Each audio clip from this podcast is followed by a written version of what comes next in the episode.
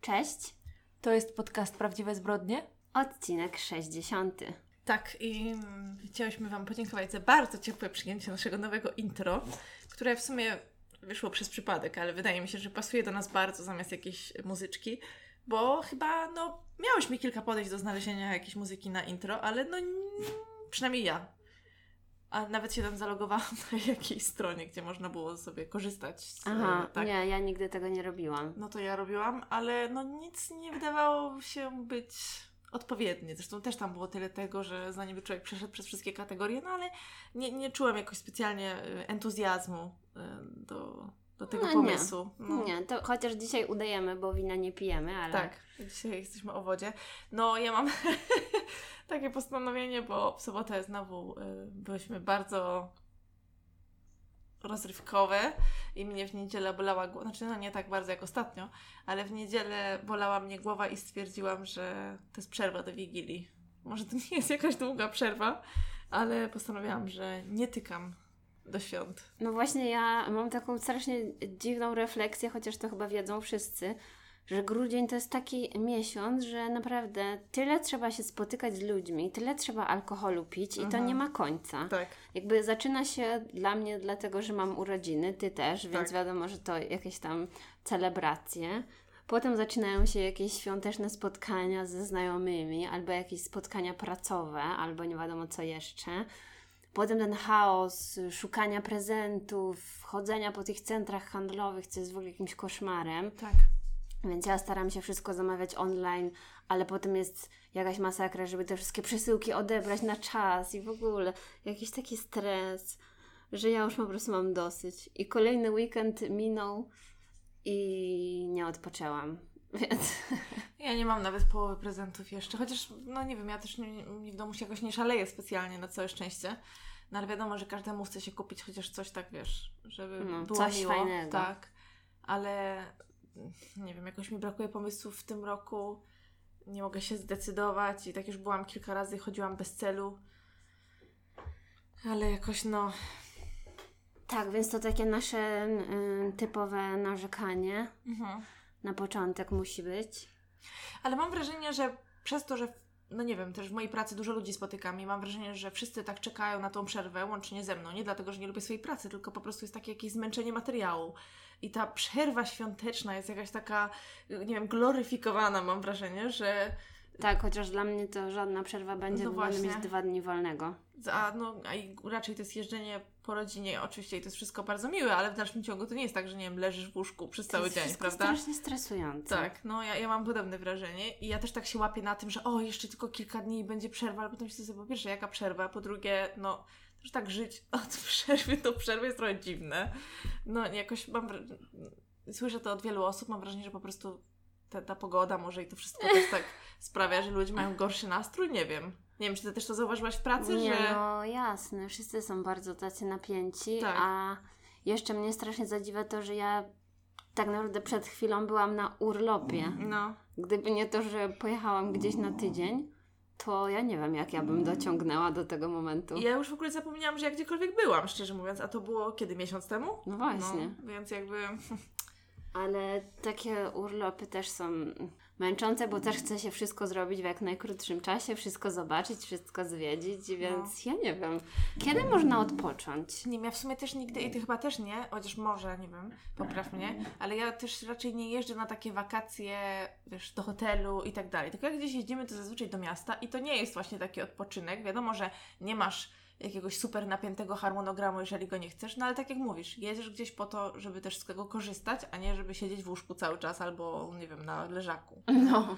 Chociaż nie, no ja tak z, y, robiłam w tym roku, ale to było w maju, że pojechałam na te Wyspy Kanaryjskie, nic nie robić. No, no, no.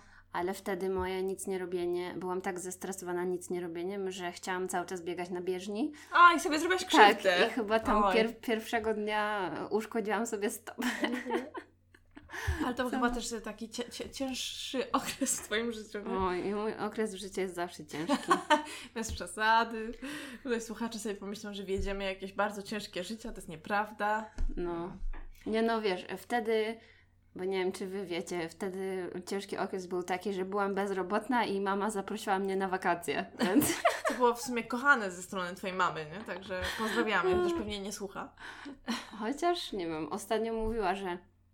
Bo napisała mi, że mamy nowy mikrofon i żeby posłuchała i ona potem powiedziała, no słychać, słychać, taki O. inny dźwięk, coś tam. Ale no, musimy uważać, bo chyba mój tato zawsze słucha. Nie no, chyba nie mówimy nic takiego strasznego. Nie no, żartuję. Myślę, że możemy powiedzieć, że to dzięki Twojemu tacie mamy taki nowy A wspaniały nie mówiłyśmy? dźwięk. No nie wiem, właśnie nie pamiętam, y, bo pamiętam tylko, że powiedziałam, że dostałaś Prezent. wspaniały prezent. Aha, prezent od mojego taty, tak, tak. także tutaj powinny się, wiesz, należeć ci jakieś podziękowania z tego Od miejsca. wszystkich słuchających. No i od nas oczywiście. Pozdrowienia dla taty. Tak. No, A to już wiecie, co musicie komentować pod następnym odcinkiem, znaczy pod tym odcinkiem musicie pozdrawiać tatę Karoliny. no powiem mu, żeby sobie włączył ten odcinek na YouTubie i poczytał komentarze. O ja nie wiem, bo czasami te komentarze są takie, że nie wiem, czy to jest dobry pomysł. No może tym razem nie będzie. Może będziecie grzeczni. No i co? Ja nawet nie mam... Kiedyś jeszcze pamiętam, jak rozmawiałyśmy o jakichś serialach, o, O jakichś czym? filmach. Co to jest? Ja Co w to jest? zapomniałam. Ej, od y, 10 dni żyję w, w stresie, ponieważ wyszedł trzeci chyba... y, trzeci sezon? Mhm. albo drugi sezon, ale już nawet nie potrafię policzyć, tego serialu Marvelous Miss Maisel, Mhm. który jak go oglądałam, to uznałam, że to jest najwspanialszy serial No, na świecie. I właśnie on prawie, że w moje urodziny była premiera kolejnego sezonu, bo to wypuszcza Amazon, więc wrzucili cały sezon naraz. Mhm. I do tej pory nie miałam jeszcze czasu, żeby w ogóle odpalić pierwszy odcinek. Więc naprawdę wiesz, co to znaczy To, dla jesteś, mnie. to znaczy, że jesteś naprawdę bardzo zajęta. Tak, bo ja zawsze moim priorytetem w życiu było oglądanie najnowszych seriali, naprawdę. Dlatego ja już nie wiem, straciłam trochę swoją tożsamość. Mhm. No rozumiem. No nie, ja nie powiem, że ja nic ostatnio nie oglądałam, ale Ja mam tylko czas, żeby obejrzeć 15-minutowy filmik na YouTubie. No ja YouTube jakoś mało ostatnio oglądam, brak mi wieny, ale ostatnio jedyne co oglądałam to na pocieszenie, jak miałam jakoś, jakiś taki gorszy moment, w weekend zeszły chyba i w ten oglądałam, bo na Netflixie wrzucili oczywiście moją ukochaną Jane Austen Sense and Sensibility, jak to się nazywa, to jest ta rozważna i romantyczna, o. Ale film Tak, rzucili. tak, tak. Ten Stary. stary, taki Aha. z Kate Winslet i tak dalej. I jeszcze y, Vanity Fair oglądałam w niedzielę. Aha. Dawno strasznie nie oglądałam tego filmu, ale niestety nie miałam czasu go skończyć, bo inne obowiązki wzywały, więc może jutro, jak wrócę z pracy. Ja jestem w stanie tylko zacząć coś oglądać i zasnąć. No. Także, no, ciężko jest. Ale możecie polecić, może sobie zrobię listę na te dwa dni wolne, które mam. Między obiadem, między tam kotletem a krokietem. No, no rady, Kotletem rybnym oczywiście. Chociaż nie, dla Ciebie i dla mnie to nawet... Nie. Moja babcia się mnie pyta, y, bo coś rozmawiałyśmy o tym, że przyjdę kroić chyba sałatki. selero ryba. Tak, właśnie, z jadłonomi, no. Właśnie rozmawiałam coś z babcią, babcia się pytała, o której mogę przyjść kroić sałatki, bo to już jest taka tradycja, odkąd się wyprowadziłam z domu, że ja przychodzę dzień przed świętami, dzień przed Wigilią i robimy tam przecież sałatkę jarzynową, coś tam, coś tam. Mhm. No i babcia mówi, no, ale rybę oczywiście jesz. Ja mówię, no nie, jak to, no przecież już od dawna nie jem, jak są ryby. No to po co ja robiłam te, po co ja zrobiłam te całe zakupy i wszystko, nie? No, Ale tu ktoś inny nie zje? no właśnie, wiesz, no nasza rodzina też z drugiej strony nie jest aż taka duża. Dziadek oczywiście tam powiedział, nie martw się, wszystko zjemy, co się da, to się pomrozi i trudno. Aczkolwiek myślę, że wiesz, wcale aż tak dużo tych zakupów jeszcze nie zdążyła zrobić, no bo to jeszcze jest tydzień. Nie? Chociaż moja babcia mówiła, że też już zakupy zrobiła, więc No może. tak, no bo wiesz, jak to chyba, chyba takie przezorniejsze panie domu, które się znają na planowaniu pracy, to potrafią sobie jakoś rozdzielić i zdecydować, co można zrobić wcześniej. Jak ja widziałam, że ludzie, wiesz, już dwa tygodnie temu robili pierniki i je mrozili, No, czy coś tam. pie- nie, pierniki trzeba zrobić wcześniej, bo one muszą zmięknąć chyba Więc... do tego czasu. Nie Ja wiem. nie wiem, ja nic nie wiem o kuchni. Jedyne ciasto, jakie potrafię upiec, to jest y, piernik pomidorowy z jadłonomi i chleb bananowy, także wiesz, to, to jest maks moich piekarskich umiejętności. Mhm. Jogi tutaj Wam dzisiaj zapewnia znowu ym, efekty dźwiękowe. Ciekawa jestem, czy to będzie słychać, czy nie. Na pewno.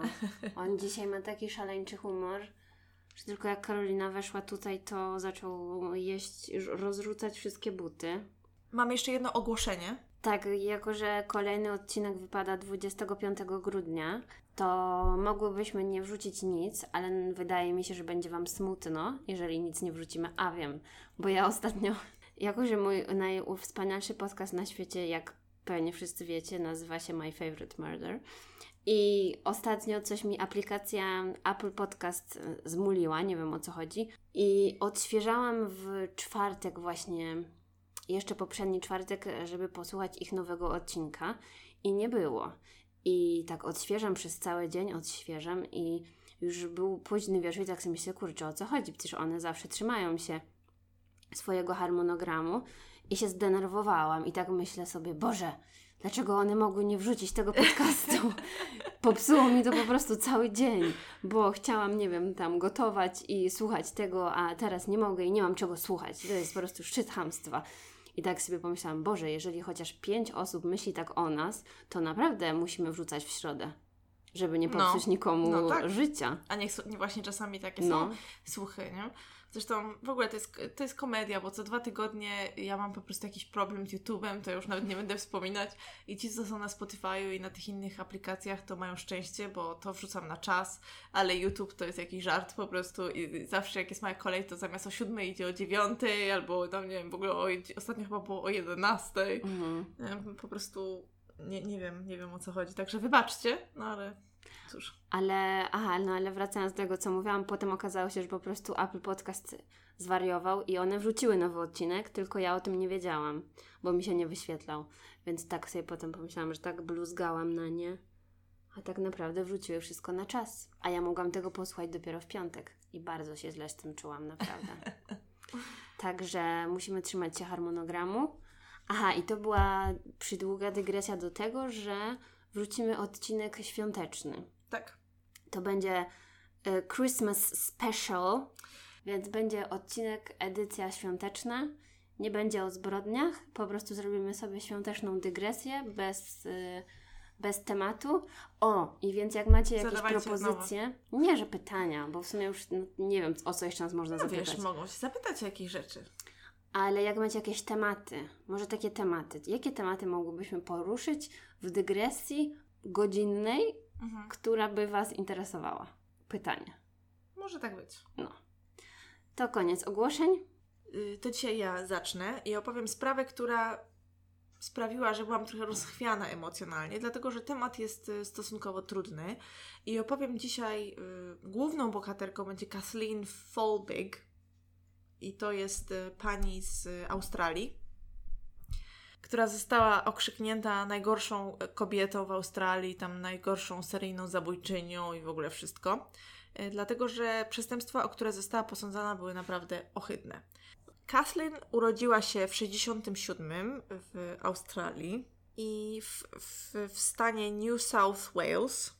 No i y, z tego co zrozumiałam, no to ona była mm, umieszczona w. Przepraszam, ale mój pies naprawdę. To wszystko słychać. No. On się zachowuje okropnie. Tylko jak wyciągamy mikrofon, to on, on sam mówi. On po prostu jest zazdrosny moim zdaniem, wiesz, że mu nie poświęcasz uwa tyle uwagi za mikrofonowi. Albo chce się popisać przed naszymi słuchaczami, bo tak. wie, że ma tak. tyle fanów. Zdecydowanie. Mhm. Tak, no więc e, Kathleen, e, początek jej życia był taki trochę no, średni, powiedziałabym, e, dlatego że jej matka została zabita przez jej ojca, e, kiedy ona była niemowlęciem, kiedy była mała. E, a ojciec zabił ją tak, że zjawił się gdzieś tam pod jej domem i dźgnął ją 24 razy, po czym e, jak ją zabił, to jakiś, jakaś jakiś świadek naoczny widział, że on ją pocałował i powiedział temu świadkowi, e, że musiał to zrobić, bo zabiłaby jego dziecko. I oczywiście on został skazany, a dziecko zostało wysłane do rodziny zastępczej. Mhm. Tak, czyli ta Kathleen. Tam wiem, że opiekowała się nim jakaś para, ale tam w, w roku chyba 70 y, została przeniesiona do jakiegoś domu dla dzieci i potem znowu ją przenieśli do jakiejś rodziny. W 82 zrezygnowała ze szkoły, czyli jak miała 15 lat i y, no, zaczęła tam pracować, ale to nie, były, to nie była chyba niestety żadna kariera, no dlatego, że nie była w żaden sposób wykształcona, nie miała żadnego zawodu. W wieku 20 lat wyszła za mąż za mężczyznę, który nazywał się Craig Folbig, no stąd miała nazwisko, i oni, on był 5 lat od niej starszy. Po około roku e, Kathleen zaszła w ciążę i urodziła synka Kaleba i to było w lutym 89. Mm, był zdrowy jak się urodził, wszystko z nim było w porządku, natomiast y, zauważono u niego jakieś tam problemy z oddechem, że na przykład przestawał oddychać jak się go karmiło i tego typu rzeczy. 20 lutego 89 po położeniu go do łóżeczka, około trzeciej nad, ranem i mąż Catherine Craig został obudzony przez y, krzyki. Ponoć jak w pobiegł do tego pokoju, gdzie, gdzie spał ich synek, to zastał tam Kathleen, która krzyczała, że coś jest nie tak z jej dzieckiem, że ten Kaleb y, leżał normalnie jakby w swoim y, łóżeczku, czyli ten ich synek. Jego ojciec go podniósł i niby, niby dziecko mm, nie oddychało, ale jakby było jeszcze ciepłe. W sensie, że nie, to nie wyglądało tak, jakby on od dawna już nie żył. Zresztą swoją drogą on ponoć miał bardzo niespokojną y, noc, y, ten niemowlak, y, że tam długo im nie dawał spać, więc nie mogło to się zdarzyć tak długo przed tym, jak go znaleźli. Oczywiście zaczął, jego ojciec zaczął próbować go resuscytować, tam pierwszą pomoc i w tym czasie Kathleen dzwoniła na pogotowie. Przyjechali tam na miejsce, ale niestety ten Kaleb był już martwy. Stwierdzono, że powodem śmierci była, był ten syndrom nagłej śmierci łóżeczkowej, czyli to się po angielsku nazywa Sudden Infant Death Syndrome, a po polsku to jest po prostu nagła śmierć łóżeczkowa. No i, no i tutaj no bardzo, bardzo smutna sprawa, no ale nic już się nie dało zrobić. Bodajże po roku y, Craig i Kathleen y, urodził się drugi synek. To było w lipcu w roku 90. No i on też urodził się zdrowy, wszystko było z nim jak trzeba i spał również gdzieś tam w pokoiku obok sypialni rodziców. I było tak, że na początku, przez pierwsze miesiące życia tego synka, on się Patryk chyba nazywał, ojciec, czyli Craig, został w domu z matką i z synkiem i pomagał o niego dbać. No ale niestety po kilku dniach od jego powrotu do pracy Znowu był obudzony przez krzyki swojej żony, pobiegł do tego pokoiku i znalazł żonę znowu stojącą przy, łóżecz, przy łóżeczku i krzyczącą. Znowu? Tak, dokładnie. Oczywiście y, sprawca, zaczęli tam, wziął tego synka, znowu, znowu próbował wykonywać pierwszą y, pomoc Zabrano go do szpitala. Jak przyjechał ambulans, zabrali tego, tego niemowlaczka do szpitala i on miał wtedy ponad 4 miesiące, czyli to nie był już taki, taki malutki jak ten jego braciszek. No i w szpitalu niby, niby mu się tam poprawiało, ale niestety mm, dostał jakiegoś ataku. Stwierdzono u niego padaczkę i ślepotę, w sensie, że oślepł ten, ten, ten chłopczyk, że był ślepy i miał padaczkę. E, no i no właśnie po tym Kathleen ponoć była w bardzo ciężkim stanie, że nie potrafiła jakby sobie chyba z tą sytuacją e, poradzić, że potrafiła okazywać swoją frustrację, może w ten sposób i zaczęła chyba gdzieś tam z domu wychodzić, zostawiając tego synka z krewnymi. E, no i w lutym 91 Catherine zadzwoniła do swojego męża Krega, kiedy był w pracy i powiedziała mu, że znowu się to stało, krzycząc, nie? znowu bardzo poruszona. Pojechał do domu i ponoć dojechał w tym samym czasie co ambulans, który oczywiście no, Kathleen wezwała pogotowie. Znowu synek leżał na, ten Patryk leżał na pleckach i znowu próbowali robić tam pierwszą pomoc, ale już niestety był, y, no miał taki niebieski wokół ust. Mm. No. Ale hmm, jestem bardzo ciekawa, do czego to zmierza. Czy ona sama te dzieci zabiła, czy co? No. Już moja ciekawość jest wzbudzona. To jeszcze nie koniec. Mm, no i niedługo później e, Patryk zmarł. Ale koniec końców jakby nie byli stwierdzić w stanie, jaka była jednoznaczna przyczyna jego śmierci. Kathleen doszła do siebie po kolejnej śmierci dziecka dosyć szybko i po, pier- po tej śmierci pierwszego dziecka chyba też według ludzi z jej otoczenia doszła do siebie bardzo szybko.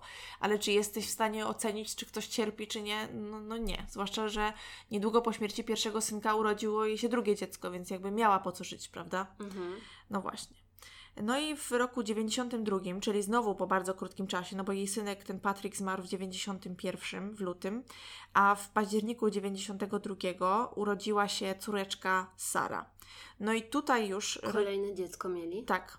I tutaj już rodzice postanowili y, trzymać to dziecko przy sobie, czyli ona spała z nimi w sypialni.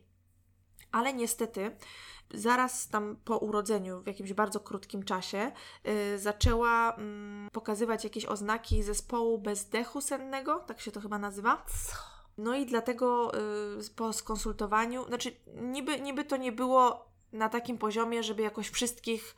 Y, żeby wszyscy zaczęli panikować, no ale po skonsultowaniu z jakimiś tam specjalistami postanowili, że dadzą im taki monitor w postaci kocyka, w sensie monitor oddechu. Nie? Ale ponoć te monitory nie są w 100% nieomylne i ten monitor potrafił dzwonić w różnych momentach ta, tą Catherine ten, ten, ten monitor doprowadzał trochę do szału i ona coś tam chyba mówiła mężowi, że może, by powin, może powinni przestać y, używać tego kocyka, dlatego że jakby on cały czas się włącza. No i rzeczywiście y, po jakimś czasie przestali go używać i też tutaj znowu pojawiały się takie komentarze, że Catherine y, potrafiła mieć jakieś takie napady frustracji znowu w przypadku tego swojego dziecka y, Sary, tej córeczki. Jakby nie była w stanie jej y, uspokoić i w końcu wiesz, gdzieś tam ją dawała mężowi i, i wychodziła, nie? No i znowu nastąpiła taka sytuacja, że mąż budzi się gdzieś tam w jakichś wczesnych godzinach y, porannych i zobaczył, że gdzieś tam na korytarzu świeci się światło i żony i dziecka nie było. I poszedł spać, no bo domyślał się, że gdzieś tam go wzięła, żeby się, żeby gdzieś tą córeczkę wzięła, żeby się nią zająć, ale niestety y, obudziło go znowu krzyki Kathleen. Y, zobaczył, że tam ona chyba weszła do sypialni, Sara gdzieś tam leżała, była ciepła znowu, ale nie oddychała. Znowu ten krek wezwał ambulans, w sensie to... To już było po raz trzeci czy tak, czwarty? trzeci. Znowu krek wezwał pogotowie i zaczął pierwszą pomoc, ale niestety córeczka umarła. Tutaj podczas y, autopsji znaleziono tam niby jakieś małe ślady w okolicy ust dziewczynki, jakieś, jakieś ślady gdzieś tam na płucach, ale nic takiego, co mogliby chyba jednoznacznie uznać znowu za przyczynę śmierci, bądź też kogoś oskarżyć. No nie, ale trójka to już nie jest przypadek. Ponoć y, po śmierci mm, tej córeczki, Catherine twierdziła, że znalazła swoją córeczkę Sarę już jak nie żyła, prawda? I bardzo chciała mieć kolejne dziecko. Tutaj już ich, ich związek, jej związek z mężem był już w bardzo, bardzo złym stanie.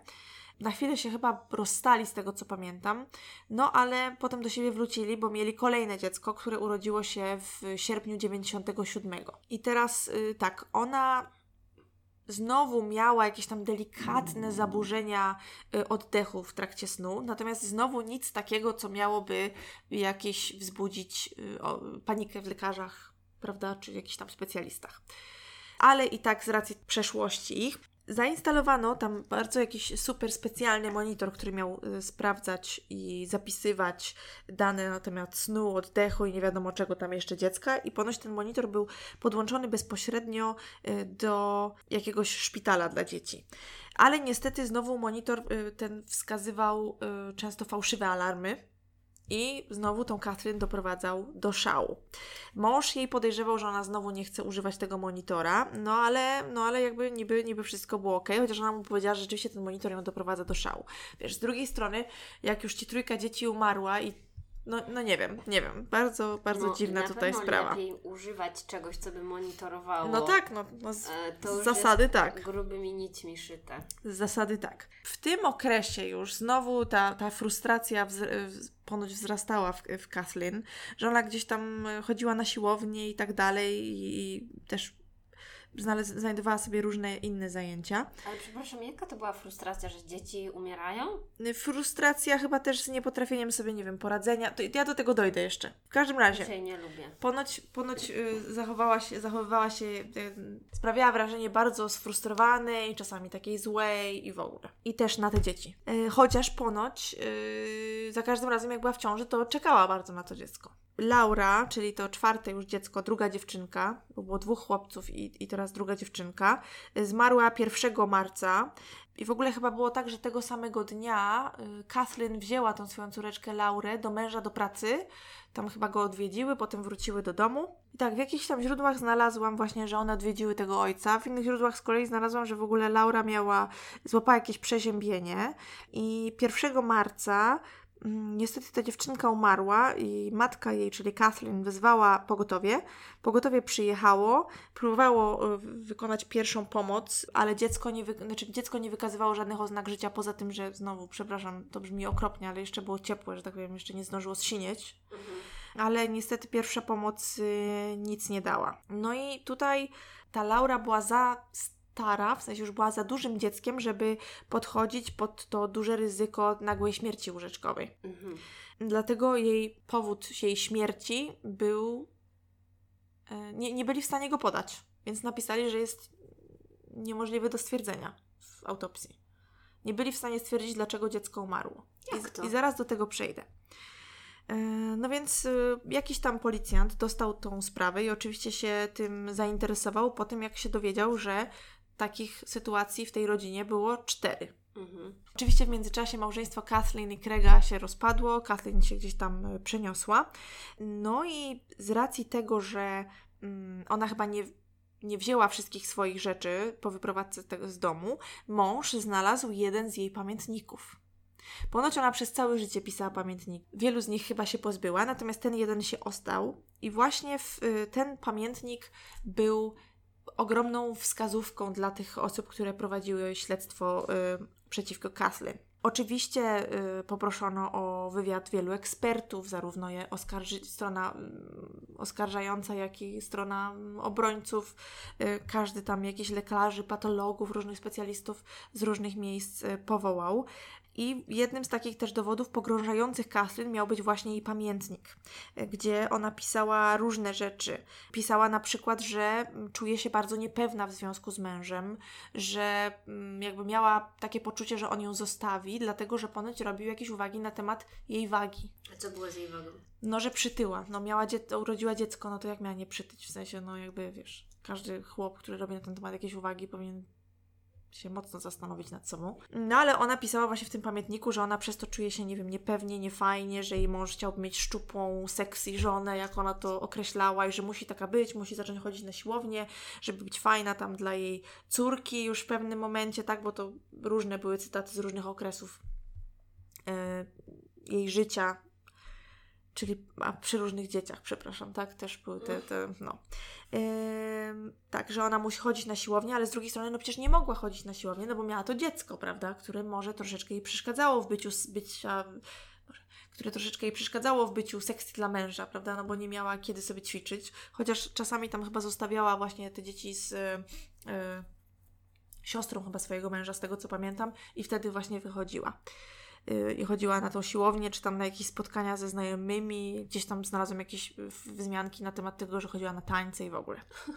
No ale ona też y, gdzieś tam napisała w pamiętniku, że jest jej trochę przykro, bo tak, były właśnie takie wpisy, że tam mówi, o, kiedy przyjdziesz, moje dzieciątko i tak dalej. To chyba było tam odnośnie pierwszego syna. No a po tym, jak się to dziecko urodziło, no to już był, miała takie przeświadczenie, że już nikt tak o nią nie dba i nie zwraca tak na nią uwagę, uwagi. No więc to też tutaj tak, no trochę średnio brzmi, aczkolwiek wydaje mi się, że kobieta po takim przejściu ma prawo do różnych emocji, to nie od razu oznacza, że jest, nie wiem, złą matką, nie kocha dzieci i chce je zabić, prawda? No przecież to jest jakby normalne. Zresztą w jakimś tam dokumencie właśnie jakaś ekspertka się wypowiadała na temat wpisów w tym pamiętniku, że jakby ona ani razu tam się nie przyznaje y, do tego, że jakąś prawdziwą krzywdę dzieciom zrobiła, tylko do tego właśnie, że jest okropną matką, że robi straszne rzeczy, ale ani razu tam nie powiedziała jakby, że zabiłam swoje dziecko, tak? Udusiłam swoje dziecko, czy coś tam.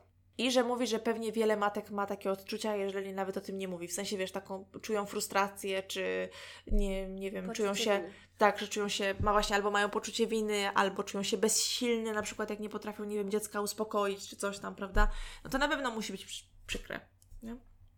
Ona też ponoć miała jakieś problemy z karmieniem piersią, że przy żadnym z dziecku jej się tego nie, nie udało zrobić. No więc, no, no jak mówię, to, to chyba tak hormony działają w takim okresie życia, że nie można kogoś oceniać tylko dlatego, że napisał, że ale jestem dzisiaj zła, prawda? No to, to nic nie oznacza. Ale pisała na przykład takie rzeczy, że powinna poprosić o pomoc. Pisała też y, takie mm, rzeczy w stylu właśnie zrobiłam okropne rzeczy, że mam takie napady agresji, powiedzmy, że czuje y, zniechęcenie do swoich dzieci. No ale tak jak mówię, to nie oznacza jeszcze, że zrobiła im krzywdę. No mogła mieć po prostu poporodową depresję. Dokładnie. Mówiła też takie rzeczy, że tam, y, tam pisała, że to czy tam to dziecko opuściło nas o tej godzinie, tak? Y, I na przykład też był taki cytat, że a propos Laury, czyli tego czwartego dziecka, tego, tej ostatniej córeczki, że boi się, że Laura umrze, dlatego że ona jest taką okropną matką, tak jak umarła, tak jak opuściła ją Sara, że wie, że była dla niej czasami okrutna dla tej Sary, czyli dla, tej, dla tego trzeciego z rzędu dziecka, i, i że dlatego ona odeszła z odrobiną pomocy. Czyli to już potraktowali jak przyznanie się do winy. No właśnie, i tak się kłócili. Kłócili się też, ale to jeszcze, jeszcze będę do tego wracać, bo też potem będę mówić o tym, jak ona, jak ta Kathleen, czyli główna zainteresowana, skomentowała te swoje wpisy w pamiętniku. I właśnie, a propos tego jej ojca, który, czy tej rodziny, która no niestety była taka, jaka była, i jego, o jej ojca, który zamordował jej matkę i przez to też no, zniszczył gdzieś tam swoim dzieciom życie. Ona na przykład napi- potrafiła też napisać w tym pamiętniku, że o, widać, że jestem córką swojego ojca. Ale ona się w ogóle bardzo późno dowiedziała o tym, kim był jej ojciec. Ona też chyba miała jakąś przyrodnią siostrę, która też spotkała późno, jak już była powiedzmy w, w takich wczesnych latach dorosłych. Nie? I teraz tak, około dwóch lat zbieranie wszystkich dowodów, dlatego że tak naprawdę były bardzo różne i sprzeczne opinie specjalistów na ten temat. Oczywiście był ten pamiętnik, E, oczywiście była ta kwestia, że jedno z dzieci, czyli tam to najstarsza córeczka, była już za duża teoretycznie, żeby podpadać pod ten syndrom tej nagłej śmierci łóżeczkowej. Jakby, że to ryzyko u takich starszych dzieci już jest dużo, dużo mniejsze. I byli tacy specjaliści, zresztą widziałam wypowiedzi jednej z pani, która wypowiadała się i która była biegłym w sprawie właśnie tej Kathleen, która mówiła, że ona jest pewna, że ona to zrobiła, dlatego że takie małe dziecko jest bardzo łatwo udusić poduszką na przykład i to nie zostawia w ogóle żadnych śladów. Straszne. Tak. E, mówiła, tam, tam no, były różne rzeczy i jakby w, w tej sprawie przyczyniło się też y, prawo Medoła, Meadow to jest nazwisko y, pediatry z Wielkiej Brytanii. Nazywał się Roy Meadow. Zresztą chyba dalej żyje, z tego co wiem. I on opracował taką teorię, że jakby pierwsza śmierć łóżeczkowa to tragedia. Drugiej należy się przyjrzeć, a trzecia to znaczy, że ktoś jest na pewno mordercą. Oczywiście ta, ta, ta, to jego prawo jest już y, absolutnie nieegzekwowane i zostało zdyskredytowane ale pomogło w, swego czasu z, skazać bardzo wiele kobiet. Hmm. Których dzieci umarły. Oczywiście wiele z nich zostało wypuszczonych po latach, jak to jego prawo zdyskredytowano, ale na przykład, z tego co zrozumiałam z tych wszystkich materiałów, które czytałam i oglądałam, to y, ława przysięgłych która miała zdecydować o losie Kathleen podczas jej procesu, dostała taką informację, że to jest jedyna taka sprawa i nigdy się coś takiego nie zdarzyło, żeby kilka dzieci y, w jednej rodzinie. A to była prawda? I właśnie to ponoć nie była prawda, Aha. dlatego że w tym samym czasie, czy w podobnym okresie na świecie było kilka innych podobnych spraw. Y, oczywiście nie, nie ma takiej nie znają takiej choroby, która mogłaby mieć takie skutki, no ale nie jest powiedziane, że coś takiego rzeczywiście mogłoby się nie zdarzyć. I właśnie ta specjalistka, która mówiła, że ona jest pewna, bo to jest jakaś Amerykanka, jakiś patolog, jakaś, e, patolog z Ameryki, ona mówiła, że ona jest pewna, że to jest, e, że ona na pewno jest seryjną zabójczynią i tak wszystko, wszystko na to wskazuje i świadczy o tym. No to ona ponoć podała jeszcze wtedy, zgodnie z tym, z tym prawem tego Medoła, że to jest jakaś tam jedna szansa na po prostu 300 bilionów prawie, że no już nie pamiętam tej liczby, ale że to wiesz, to, to jest praktycznie niemożliwe. No, no to jak słyszysz, że no to, to poczekaj, bo to jeszcze nie koniec. No i oczywiście ona została skazana, Catherine została skazana, jej mąż oczywiście też był za tym. Tam pisał, że to, co przeczytał w pamiętniku, to sprawiło, że chciało mu się żygać w ogóle i tak dalej. No i Kathleen została skazana na 30 lat pozbawienia wolności. A bo ty na samym początku spoiler powiedziałaś. Za co powiedziałam? Że to będzie sprawa jakby dwóch morder... Coś tam? Morderczyń? Morderstw? Coś takiego powiedziałaś. Dwóch, tak, dwóch różnych przypadków, ale to powiedziała, no a to źle? Ja myślałam, że teraz, teraz powiesz, że wychodzi za kurtyny babcia i to wszystko zrobiła babcia. Nie. ktoś. Nie, nie, nie. I tak, ogólnie ten cały proces trwał y, 7 miesięcy, no i tam się przypychali obrona z, z oskarżycielami między sobą, ale koniec końców, tak jak mówiłam, została skazana i to miało miejsce w 2003 roku, w maju. W zasadzie to ona została skazana na 40 lat, ale po 30 latach mogła się y, starać o wcześniejsze wyjście. W 2005 e, sąd zredukował tą jej karę właśnie do 30 lat i chyba mogła się wtedy starać o wcześniejsze wyjście po 25 bodajże. I w tym roku ta sprawa miała swoją kontynuację, dlatego że ludzie, którzy wspierali i wierzyli Kathleen, y, łącznie tam z prawnikami i tak dalej, doprowadzili do tego, że sąd y, zgodził się przyjrzeć się jeszcze raz tej sprawie i zdecydować, czy powinni odbyć y, kolejny proces. No i zanim powiem, jak to się skończyło, chciałabym opowiedzieć o jeszcze jednej kobiecie, która została. Jej sytuacja była bardzo podobna. Ta kobieta się nazywa Carol Matthew, chyba Matthew na nią mówili, i ona została oskarżona o dokładnie to samo, o co e, Kathleen, e, tylko że kilka lat później. I e, również miała czwórkę dzieci, wszystkie, które umarły na przestrzeni kilku lat. Tutaj w sprawie tej kobiety wypowiadali się dokładnie ci sami specjaliści. To było też w Australii? Tak. Dzieci tej kobiety zmarły w bardzo podobny sposób. Tam dwójka była bardzo malutka, a jedna dziewczynka była już starsza. Ona miała chyba 3,5 roku, czy coś takiego. Mm, I w ogóle jedno z jej dzieci, y, ona się zorientowała, że umarło na parkingu pod supermarketem, że Co? niby wsadzała tą starszą córeczkę do fotelika w aucie i potem poszła do tego synka i mm, chciała go wyciągnąć i nagle się zorientowała, że ten, ten synek jest taki, wiesz, bez, bezwładny Boże, i jest tutaj, wiesz, straszne. niebieski dookoła ust. No i w ogóle oglądałam wywiad z tą kobietą, która właśnie przy okazji apelacji w sprawie tej Kathleen postanowiła wyjść z ukrycia, bo ona oczywiście ukrywała się mm, Mhm. i wypowiadać się na ten temat, dlatego że mimo to, że ci sami eksperci wypowiadali się na temat sprawy tej Carol, to ona, to tu, tutaj w tym wypadku sąd stwierdził, że nie ma powodów, aby ją sądzić. I ją wypuścili to wolno. drugi taki przypadek. No, no ale, ale ta pierwsza kobieta dalej jest w więzieniu. Mhm. No, no, no. No i właśnie do tego chciałam dojść, że mimo to, że składali apelację, to wina Kathleen została podtrzymana i, i kolejne jakieś kroki będzie mogła podejmować dopiero w 2028. Ale to pewnie przez ten jej pamiętnik. No prawdopodobnie tak, natomiast było mnóstwo opinii od specjalistów, którzy mówili, że tak naprawdę jak masz niestwierdzony powód śmierci, no to nie masz prawa kogokolwiek o cokolwiek oskarżać, bo to nie jest y, bycie w stanie stwierdzenia czyjejś winy ponad wszystko, prawda?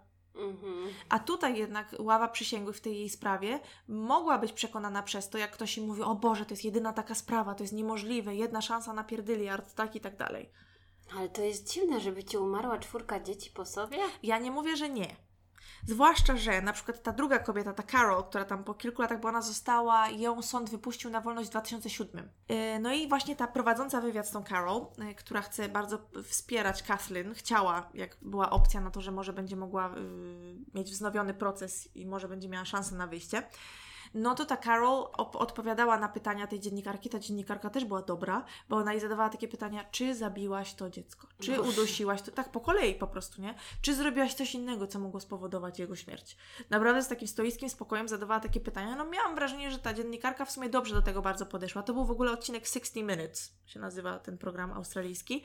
I miałam wrażenie, że dobrze podeszła w sumie ta kobieta y, do tej Carol, bo z takim współczuciem i delikatnie, ale jednak zadawała takie Ostre o, pytanie. dosadne pytania, tak. I mówiła to wszystko bardzo spokojnie i tak dalej, ale no, tak wiesz, od razu mm, idąc Do, do- celu. dokładnie. Pokazywali nagrania też, jak ta Carol wychodzi z sądu i ma taki strasznie dziwny uśmiech. No nie. Taki strasznie dziwny uśmiech. Zawsze jakiś dziwny uśmiech znajdują. No, ja wiem. I potem właśnie, jak ja sobie pomyślałam, o Boże, dziwnie wygląda ta typka, to potem oczywiście lektor coś, coś zaczyna tam mówić, że no, oczywiście publika zaczęła dopisywać, że ten uśmiech miał oznaczać, że o, udało mi się tam, wiesz, No wiesz, Em. jakby miała pójść do więzienia na całe życie za, za to, że zabiła czwórkę dzieci, a nie zabiła, no to chyba może się z czegoś cieszyć. Naprawdę ciężko mi jest, tak mną jakoś tak, ja nie wiem, ani nie uważam, że te kobiety są winne, ani niewinne. Ciężko mi jest absolutnie stwierdzić, no bo z jednej strony, jeżeli wszyscy eksperci mówią, że łatwo jest udusić takie małe dziecko,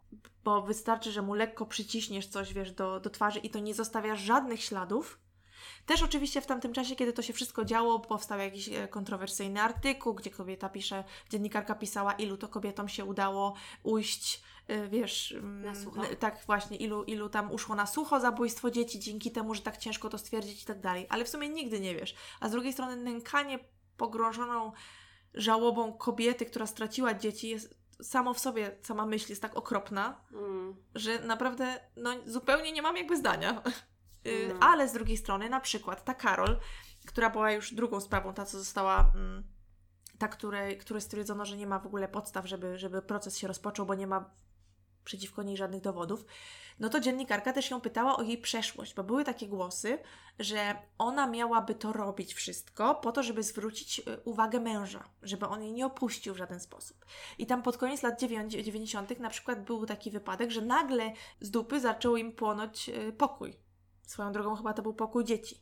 Oj. I ona oczywiście wszystkie te swoje dzieci wyprowadziła, które wtedy miała, na zewnątrz. No ale tak czy inaczej, takie głosy krążyły, że to miało mieć coś wspólnego z takim, wiesz, krzykiem o uwagę, czy o to, żeby jej mąż nie zostawiał. Oczywiście ta dzie- dziennikarka też się o to zapytała. Ona powiedziała, nie, absolutnie nie robiłam po to tego, żeby, y, żeby zwrócił na mnie uwagę mąż. Nic takiego nie zrobiłam. Nie? E, No i tam cały czas pokazywali w tym wywiadzie zdjęcia tych dzieci, no koszmar szczerze mówiąc. Bo ten wywiad w ogóle był zorganizowany i puszczony przed dzień rozpoczęcia apelacji tej Kathleen. Więc stąd była cała ta okazja, okazja żeby, żeby znowu zacząć o tym rozmowę. No i oczywiście podczas tej apelacji Kath, y, Kathleen została wezwana do wypowiedzenia się i to było dosyć dziwne, dlatego że przy swoim pierwszym procesie mm, ona w ogóle nic nie mówiła, nie odpowiadała na żadne pytania. A przy tej apelacji już tak.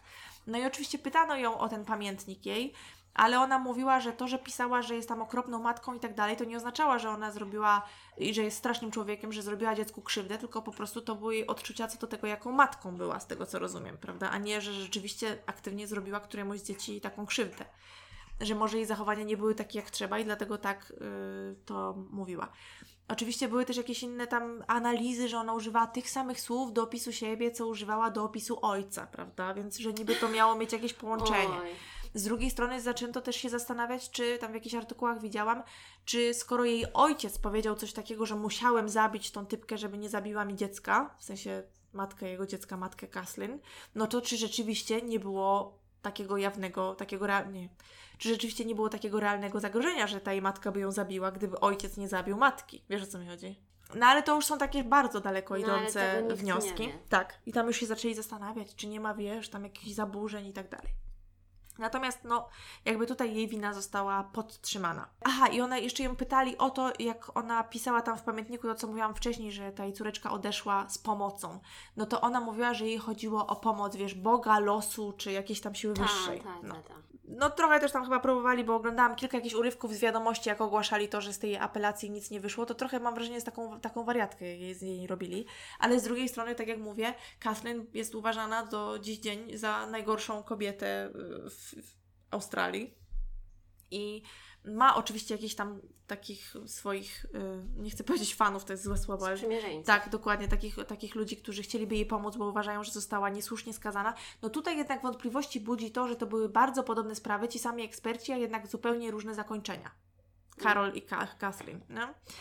Nie wiem, nie mam zdania, co, nie, nie, nie potrafię określić, czy uważam, czy któraś z nich to zrobiła, czy nie. Uważam, że jest to straszne. Nie ma odpowiedniego, z drugiej strony ocenianie tego, jak ktoś się uśmiechał, jak dowiedział się, że nie będzie siedział w więzieniu, a czwórka jego dzieci umarła, a on im nic nie zrobił, a to był oskarżany i jest teraz po prostu jakimś wyrzutkiem społeczeństwa. No, no nie, nie można... się uśmiechnąć. No to po pierwsze, a po drugie, też wydaje mi się, ludzie często reagują na mniejszy stres w tak dziwny sposób, No. że jakby no, no nie można tutaj chyba nikogo oceniać za to. No i cóż, cóż mogę jeszcze powiedzieć? To chyba w zasadzie tyle. Także taka, taka sprawa, nie mam pojęcia. Jestem ciekawa, może nasi słuchacze znają te sprawy, może coś y, tutaj mogą też dopowiedzieć.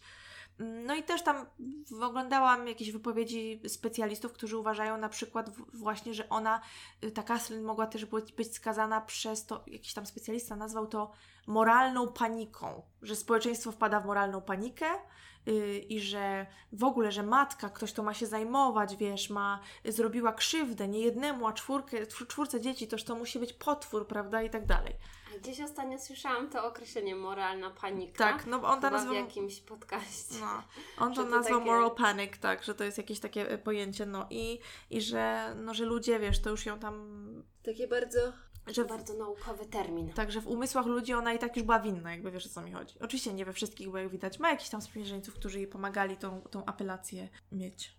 Jeżeli chodzi o tę e, Karol, możecie sobie oczywiście to zgooglać też, ale tam przeciwko niej, mimo to, że stwierdzili, że sędzia stwierdził, że nie ma dowodów, które miałyby prowadzić do procesu, to były tam jakieś em, takie powiedzmy pseudo.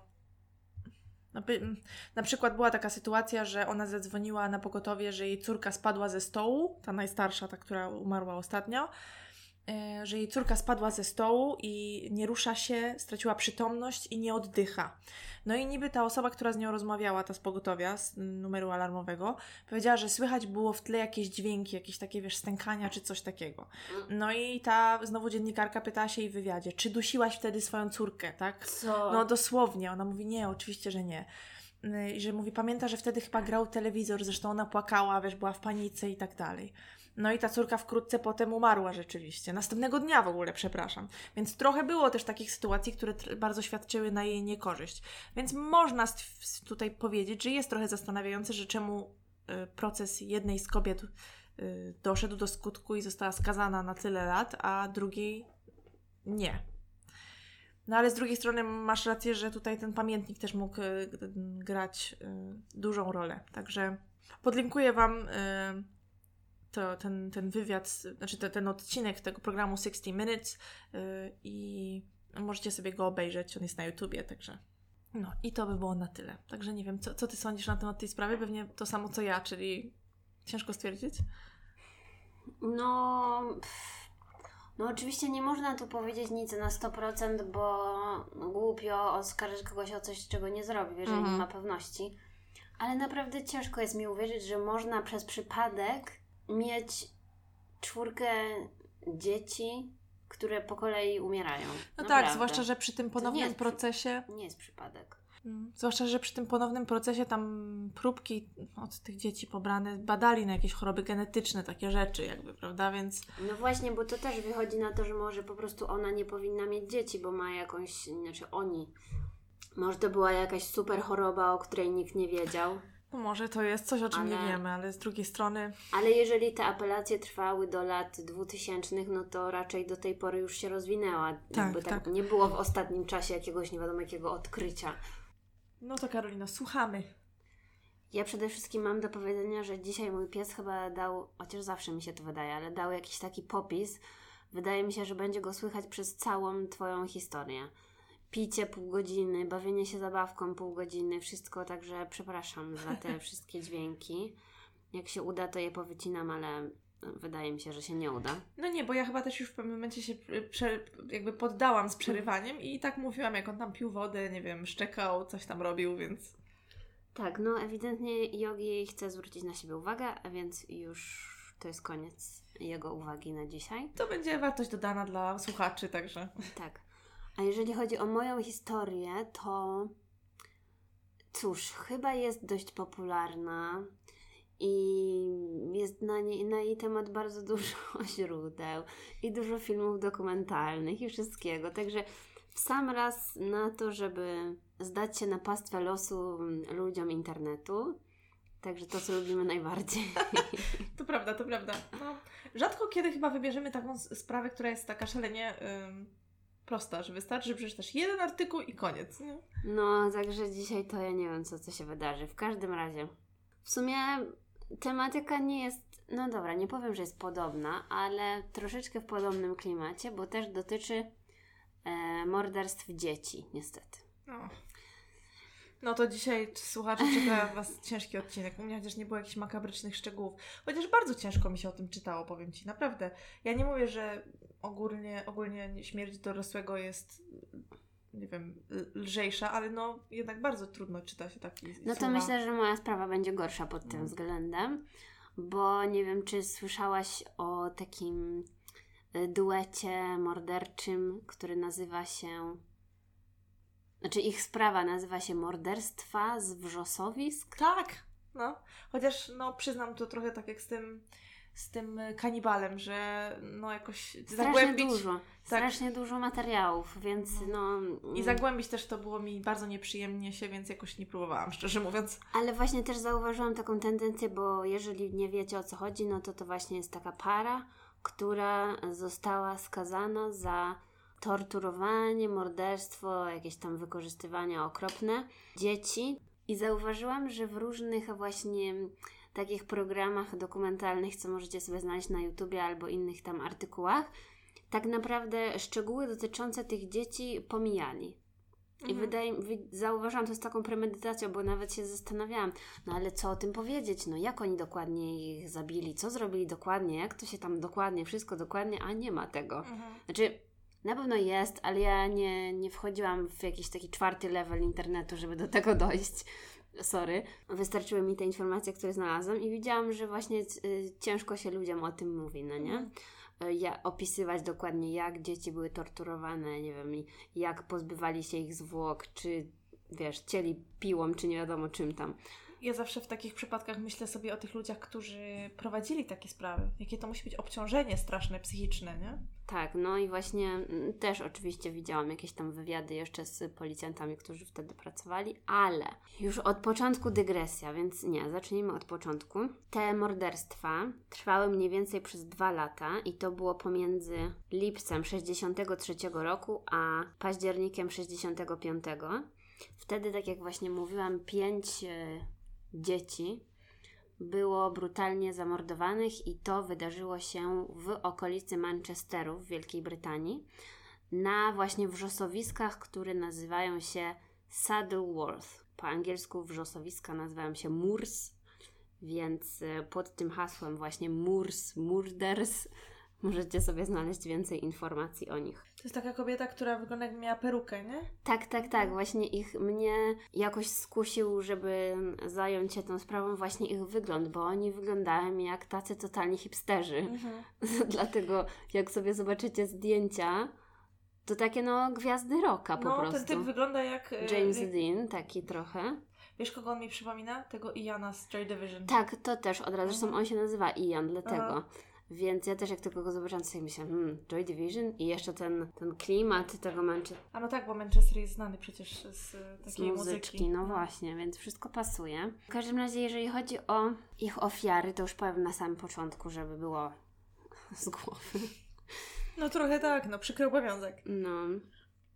Dziesięcioletnia Leslie Ann Downey, dwunastoletni John Kilbreed, szesnastoletnia Pauline Reed, dwunastoletni Keith Bennett i ostatnia ofiara to siedemnastoletni, czyli najstarszy, Edward Evans. A duet morderczy, o którym mówię, to Ian Brady i jego wspólniczka Myra Hindley. Ciała dwóch ofiar zostały znalezione na samym początku, kiedy to się wydarzyło. Wykopali je właśnie z terenu tych wrzosowisk. Trzecie ciało zostało znalezione dopiero w roku 87, czyli ponad 20 lat po całym tym zdarzeniu. Następnie jeszcze znaleziono jakieś szczątki czwartego ciała. I jedynie ciało e, 12-letniego Keitha Bennetta nigdy nie zostało znalezione. No i właśnie e, jego mama, jeszcze jak żyła, cały czas e, starała się o to, żeby właśnie ten Ian zdradził, gdzie to, gdzie to ciało jest, żeby powiedział, że coś, ale on nigdy nie chciał współpracować. Biedna matka. Więc to jeżeli chodzi o wstęp morderstw z wrzosowisk. I teraz przejdę oczywiście do lekkiej biografii. Kim był Ian Brady? Więc on urodził się w Glasgow w Szkocji i to było w roku 38. Jego jakby pierwsze nazwisko było Stewart. On ogólnie miał dziwne nazwiska, bo trochę zmieniał rodziny, ale to jest nieważne. Znany jest w internecie jako Ian Brady. I jego mama, nazywana Peggy, ona była jakąś tam kelnerką, no i ogólnie raczej ta ciąża to była jakaś wpadka z nie wiadomo jakim mężczyzną, bo on niby, w sensie dosłownie nie wiadomo jakim, bo on nigdy swojego ojca nie poznał, e, tylko ta matka mówiła mu, że on niby zmarł trzy miesiące przed urodzeniem, no jakieś takie ściemy, nie wiadomo kto to był, nigdy nie powiedziała. I ona jako właśnie ta kelnerka sobie ciężko radziła, bo to były no koniec lat 30. Mm. Nie dość, że jeszcze wojna w tle, to ona samotna, młoda kobieta, nie za bardzo sobie dawała radę, więc w końcu próbowała to dziecko wychowywać samotnie, ale w końcu się poddała i postanowiła znaleźć jakąś dobrą rodzinę zastępczą dla niego. I podobno znalazła bardzo dobrą rodzinę. Było to państwo Mary i John Sloan i oni byli jakąś taką okoliczną rodzinką, mieli już chyba czwórkę dzieci swoich i też oczywiście ciężko im się żyło, nie mieli za dużo pieniędzy, ale chyba panował w tej rodzinie taki dobry klimat i z chęcią chyba tego Iana przyjęli pod swój dach, bo chyba już w takiej sytuacji cztery czy pięć dzieci to wszystko jedno. Więc przyjęli go pod swój dach i podobno bardzo dobrze jemu się z nimi żyło. I To nie to zaraz, że każdemu dziecku trzeba iPhone'a kupić. Nie no, dali mu ziemniaka i kromkę chleba i było wszystko w porządku. No i właśnie on wtedy przyjął ich nazwisko jako Ian Sloan. On został jakby zaadoptowany przez tą rodzinę w bardzo młodym wieku, ale matka jeszcze póki mieszkała w tym e, Glasgow, to próbowała utrzymywać z nim kontakt, że podobno widywali się co weekend. Zawsze jakieś tam mu prezenty przynosiła, ale on traktował tych swoich rodziców zastępczych jak prawdziwych rodziców. E, Do tej matki chyba raczej nawet nie mówił per mamo, tylko po prostu do tych swoich rodziców, e, którzy go zaadoptowali. Boże, współczuję tej matce. Jak jeszcze przychodziła, odwiedzała go, to musiało jej zależeć jeszcze, jak szukała dla niego jakiegoś dobrego domu. No tak, ale właściwie hi- historia tej drugiej, tej jego wspólniczki też jest taka trochę przykra, że rodzice się jej pozbyli, także nie wiem, może takie były czasy, że jak nie było cię stać na dziecko, to oddawałeś komuś, kto będzie po prostu mógł to dziecko wykarmić. Nie wiem. I właśnie wydaje mi się, że to nie było tak, że on miał jakieś ciężkie dzieciństwo. Więc nie można jakby tutaj szukać jakiegoś związku, chociaż oczywiście oficjalnie swojego ojca nie znał, więc zawsze to może mi od jakieś piętno oddziaływać na człowieku, zwłaszcza jeżeli potem mordował. W szkole zachowywał się tak w miarę normalnie. Był skrytym dzieciakiem, ale z drugiej strony też był e, popularny wśród, wśród kolegów, bo miał takie zachowania, takie troszeczkę, nie wiem jakby to powiedzieć, no taki zaczepny Mhm. taki zaczepny, troszeczkę e, lubił jakieś takie bardziej agresywne zabawy, ale z drugiej strony przypominając sobie, no nie wiem, że tam wiesz, bili się z kolegami, czy straszył kogoś, że ma nóż, czy coś, ale Aha. też nie, nie doszukiwałabym się w tym jakichś wielkich gestów, no bo przypominam sobie moich kolegów, nie wiem, tam z gimnazjum, no to raczej nikt się nie zachowywał normalnie, a teraz żaden z nich nie jest seryjnym mordercą, no Mhm. nie? Więc po prostu był tak Błędy trochę... młodości. Tak. Z jednej strony był skryty, z drugiej strony lubił czasem wiem, walnąć jakiegoś kolegę, ale wydaje mi się, że to było z wzajemnością. No i poza tym bardzo dobrze się uczył. I to jest ciekawe, jeżeli o niego chodzi, bo od zawsze jakby w sumie chyba nie musiał dużo czasu poświęcać na naukę, ale zawsze w szkole szło mu świetnie i potrafił dobrze liczyć i był świetny, jeżeli chodzi o pisanie i Czyli literaturę. był bystry. Tak, no bardzo, bardzo taki mądry.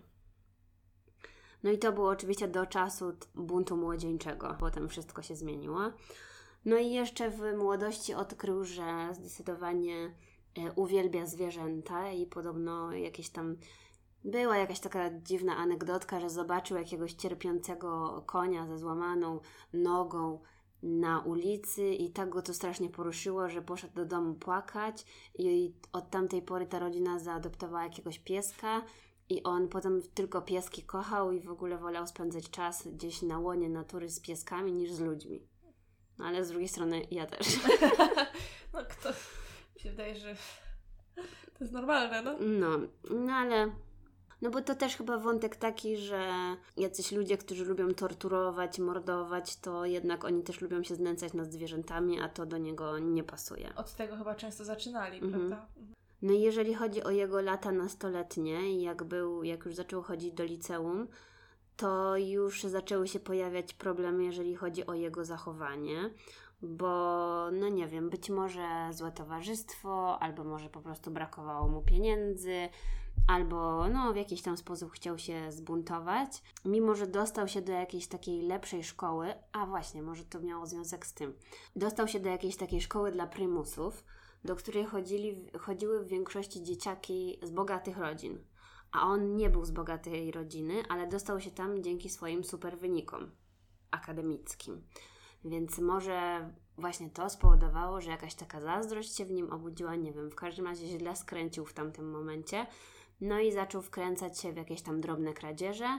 No, oczywiście drobne kradzieże doprowadziły do mm, jakichś takich ośrodków poprawczych, a wiadomo, że wydaje mi się naprawdę, chociaż to nie jest może istotne teraz, ale wydaje mi się naprawdę, że te wszystkie ośrodki poprawcze to jest taki bezsens, bo to w jego przypadku i też myślę w przypadku wielu innych osób pozwala tylko na to, żeby sobie znaleźć kolegów do robienia złych rzeczy. No tak, jak się wzajemnie podjudzają takie, takie tacy gówniarze, no to... Tak, więc to w jego właśnie przypadku tak się wydarzyło, że on po prostu zapoznał kolegów, y, z którymi potem mógł jeszcze bardziej okradać domy i robić jakieś złe rzeczy, więc to miał wielokrotnie jakieś takie sprawy w takim sądzie poprawczym. Zresztą wtedy też na pewno to wyglądało inaczej niż teraz, prawda? Mhm. Więc stanął przed tym sądem dla nieletnich i zrezygnował z chodzenia do szkoły w wieku 15 lat. Mhm.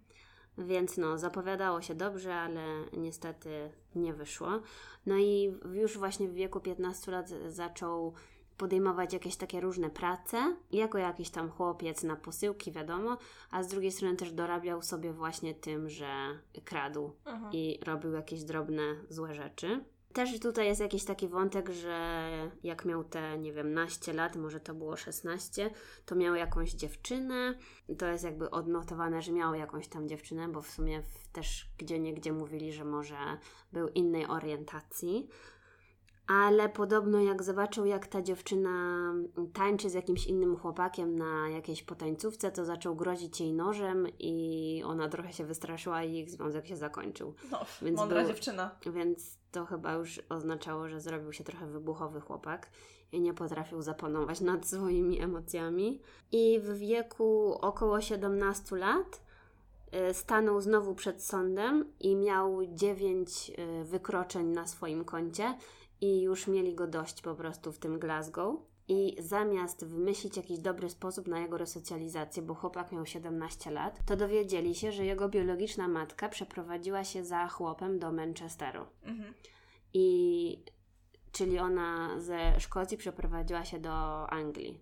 Bo nie powiedziałam właśnie, że w międzyczasie e, stracił kontakt z matką, ponieważ ona poznała jakiegoś mężczyznę, za którym przeprowadziła się do Manchesteru i podobno troszeczkę już miała, Mhm.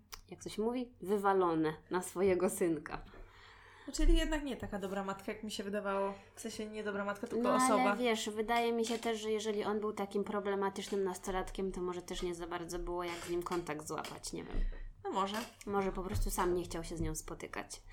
Więc bardzo ciekawe to było, że ten sąd dla nieletnich postanowił po prostu pozbyć się problemu No, i, tak ze, i ze Szkocji zrobić ekstradycję po prostu do, do Manchesteru, żeby, żeby zajęła się nim biologiczna matka.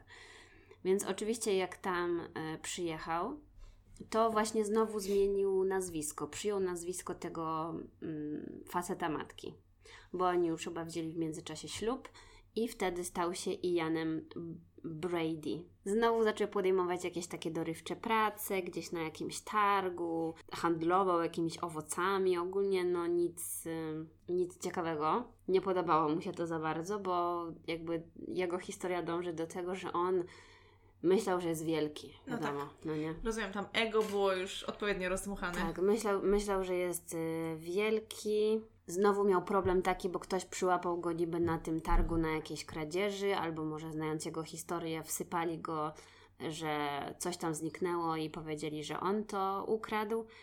I wtedy nie miał jeszcze 18 lat, czyli to wciąż było jak miał tam 17 i parę miesięcy. Został skazany na dwa lata więzienia O, bo już chyba, no nie wiem, wtedy raczej surowiej podchodziło się do nawet takich lekkich przestępstw, kradzieży czy coś. No dobrze, że już rąk nie obcinali za to, ale za jakiś y, kradzież koszyka owoców wysłali go na dwa lata więzienia. Ale tam nie próżnował, bo podobno ważył swój alkohol i no nawiązywał znajomości czyli z... biznes rozkręcił. Tak, no nawiązywał znajomości z odpowiednimi typami i planował swoje, wiesz, swoją przyszłość kryminalną, będąc w tych różnych ośrodkach, więc podobno z jednego ośrodka przenieśli go do jakiegoś bardziej rygorystycznego, no i ogólnie kiepsko z nim było.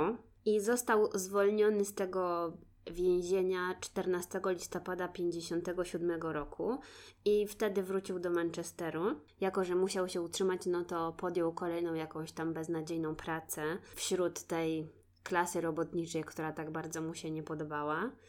I w końcu zmotywował się do tego, żeby się czegoś nauczyć, a jako, że bardzo dobrze mu szło i chyba nawet w tych różnych ośrodkach i w więzieniu zwrócili uwagę, że on bardzo dobrze sobie radzi z liczeniem, to on chyba sam zrobił sobie jakiś taki kurs prowadzenia y, ksiąg rachunkowych i udało mu się, przez to, że był w miarę bystry, znaleźć pracę właśnie jako taki młody księgowy w jakiejś normalnej firmie. fajnie. Znaczy no, nie fajnie, bo wiadomo jak się skończy, ale... Czyli jednak dało się. Chyba już po prostu był bardzo zdeterminowany, bo tak jak mówię, no marzył o wielkości. W styczniu 59 roku zaczął pracować właśnie w biurze, w, w jakiejś tam hurtowni chemikaliów. W każdym razie, no wiadomo, tam potrzebowali jakichś księgowych, więc tam zaczął pracować. No i właśnie w tej oto pracy poznał swoją drugą połówkę. I teraz przejdziemy do jego drugiej połówki, czyli Myri Hindley. I ona jest od niego, była, znaczy się, od niego 4 lata młodsza, bo urodziła się w roku 42 i urodziła się właśnie w okolicy Manchesteru i tam też się wychowała. Jej rodzice to była Nelly i Bob Hindley. Nie można tak od razu powiedzieć, że nie miała szczęśliwego dzieciństwa. W każdym razie no było coś tam nie tak w tej rodzinie, bo jej ojciec Bob służył w armii e, w trakcie wojny, więc wiadomo, że jak wrócił, PTSD? to nie był zbytnio miły dla wszystkich. Bardzo dużo pił i miał taką e, twardą rękę, więc bił matkę, bił oczywiście też dzieci. Był takim, no ona mówiła o tym ojcu, że, że był takim trochę nieudacznikiem, bo też za bardzo nic nie robił, tylko właśnie pił albo wychodził gdzieś do jakiegoś pubu i że nie miał jakiejś super pracy i że był taki, no, no nie podobał jej się ten ojciec. Z drugiej strony na pewno miała jakiś tam kompleks, żeby ją zaakceptował. E, No, więc właśnie przez to, że ojciec y, był taki agresywny, to też on uczył ją tej agresji, bo są jakieś takie różne historyjki z jej dzieciństwa, że niby jakiś kolega y, ją podrapał po twarzy, więc ona poszła do ojca i powiedziała, żeby ojciec nauczył ją, jak się bronić. I ten ojciec pokazał jej, co ma zrobić. Ona poszła, sprała tego swojego kolegę. Potem wróciła do domu i powiedziała, co zrobiła, a ojciec ją pogłaskał po głowie i powiedział: A, super. O Boże.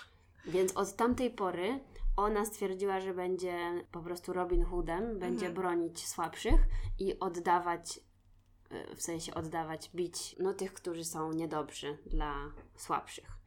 Więc ona była znana na, na podwórku jako ta, co się, co się ze wszystkimi bije, podobno. No i broni, bo właśnie też mówili, że jak ktoś miał jakiś tam problem z kolegów czy koleżanek, to mogli do niej uderzyć i ona ich y, mogła obronić, stanąć w ich obronie. Y, No i ona miała też siostrę.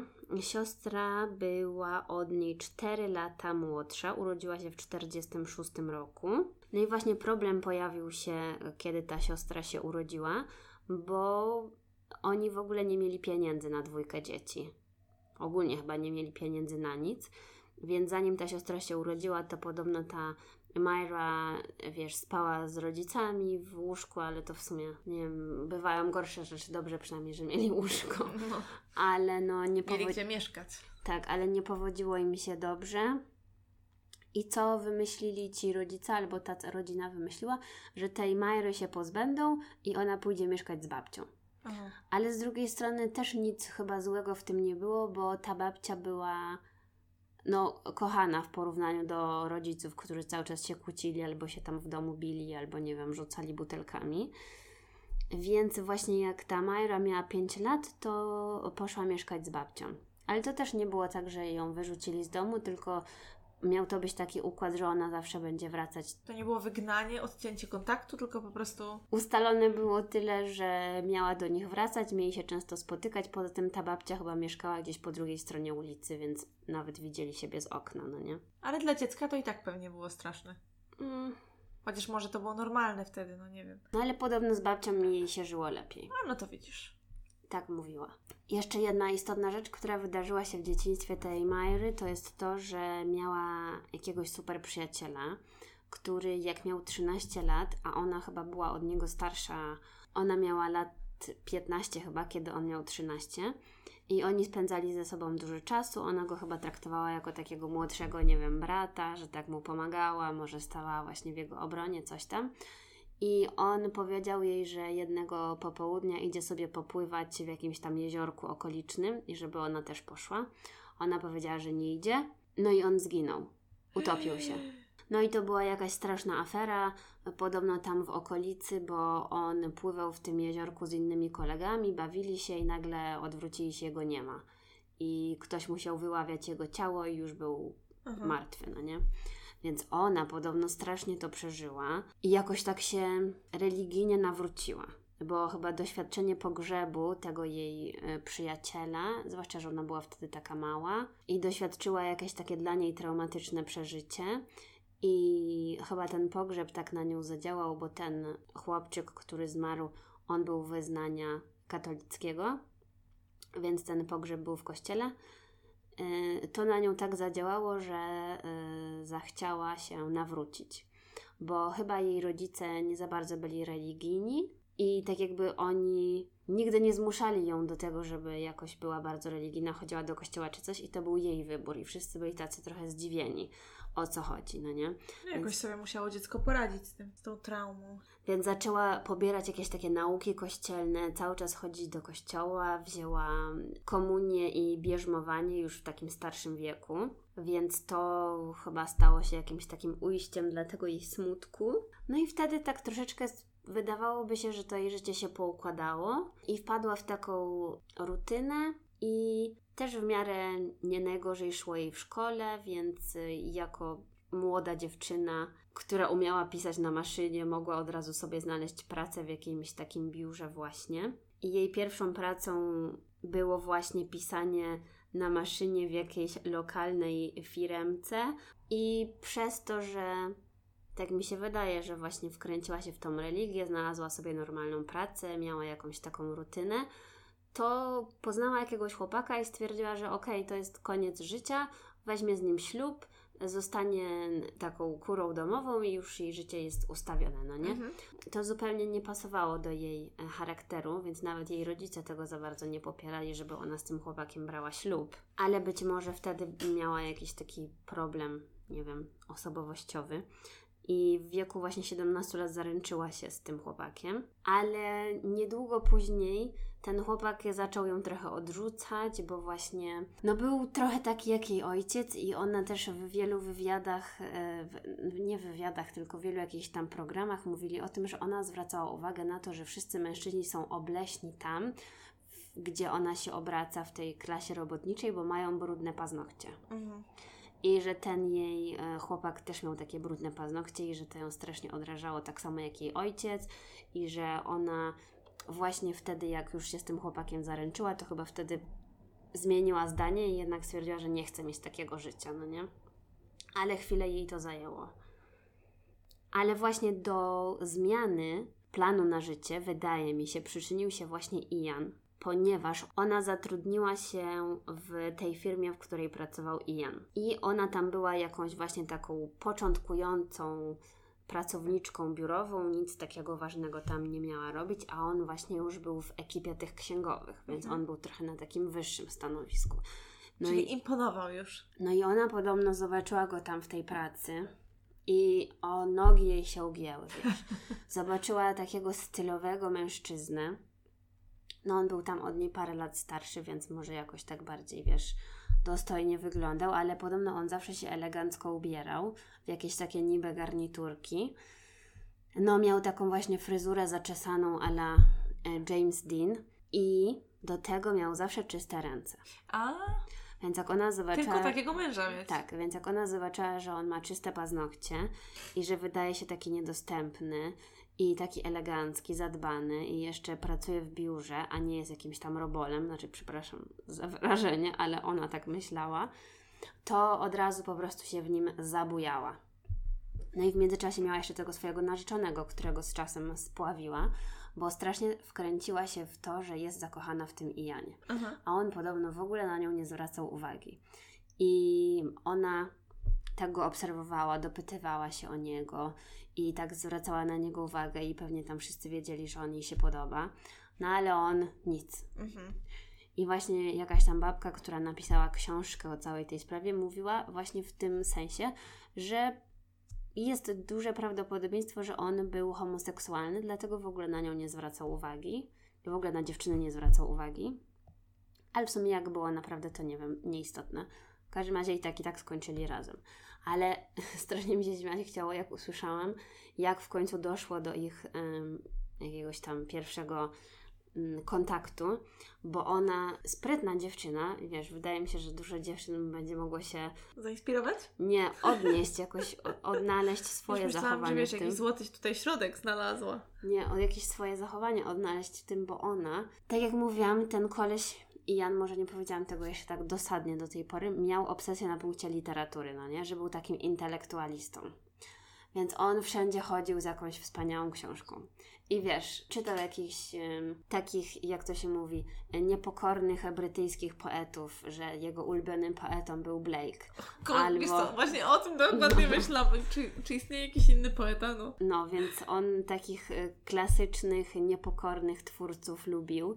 No i ona to wyczaiła, więc poszła do biblioteki i wypożyczyła sobie właśnie tego, najpierw sobie wypożyczyła chyba Wordswortha Aha. i specjalnie tak ostentacyjnie przyszła do pracy z książką. tak. I gdzieś tam y, położyła tę książkę i tak ją czytała i czekała, aż on przyjdzie i to zobaczy.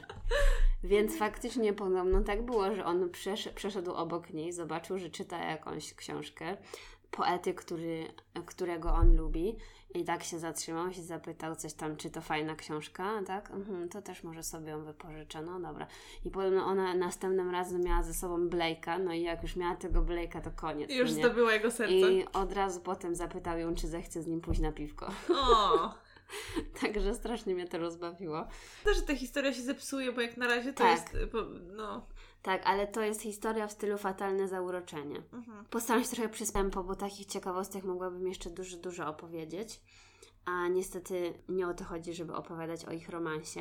W każdym razie wiadomo, jak przebiegało jej e, życie uczuciowe, ponieważ oczywiście pisała pamiętnik. I jak typowa dziewczyna na każdej stronie pisała: O Boże, kocham go, na kolejnej stronie: Nienawidzę go, nie popatrzył się na mnie. Wiesz, to było takie. To musiało być naprawdę komiczne, więc z tego pamiętnika właśnie ci wszyscy, którzy analizowali tę sprawę, z tych jej pamiętniczków mogli wywnioskować, jak strasznie on zawładnął jej po prostu umysłem. Aha. Bo ona tak się na niego nakręciła i to chyba trwało, nie wiem, pół roku, jak I to ona wszystko była przez w czyste ręce? Mhm, no. no nie wiem, po prostu jej się spodobał fizycznie. Więc zapanował od pierwszej chwili nad jej umysłem totalnie.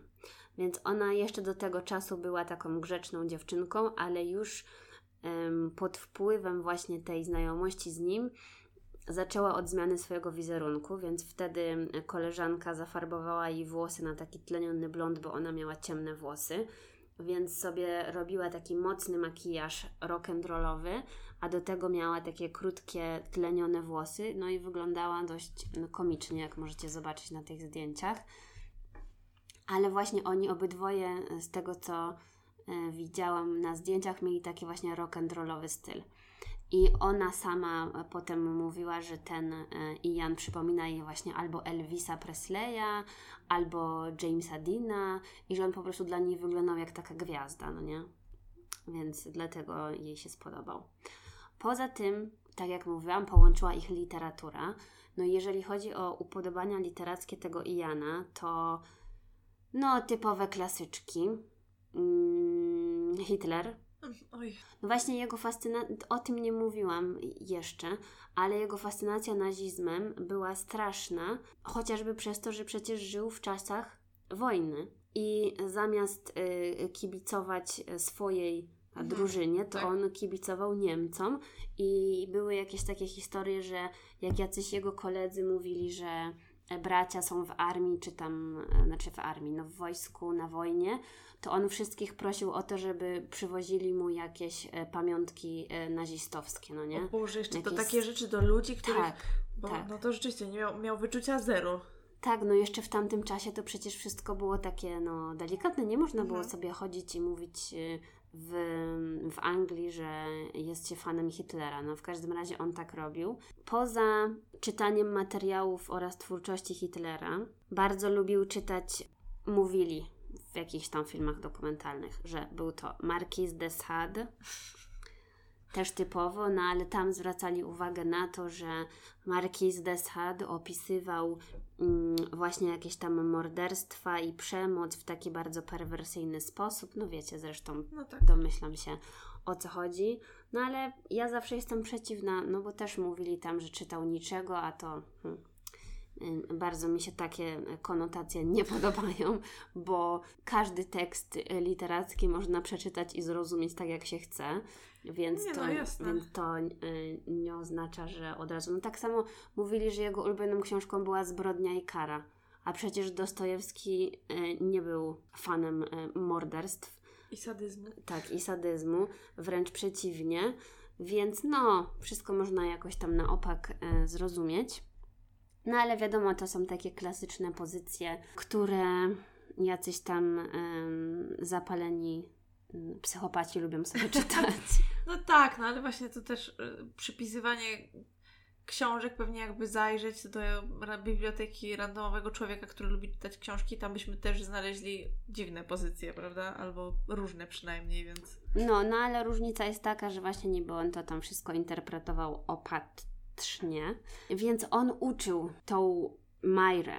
Uczył tego, co ma czytać, co ma wiedzieć na temat nazizmu, wiesz, yy, dlaczego Hitler jest super, uczył ją jakichś tam niemieckich słówek, kazał jej słuchać w ogóle jakichś takich kompilacji hitlerowskich.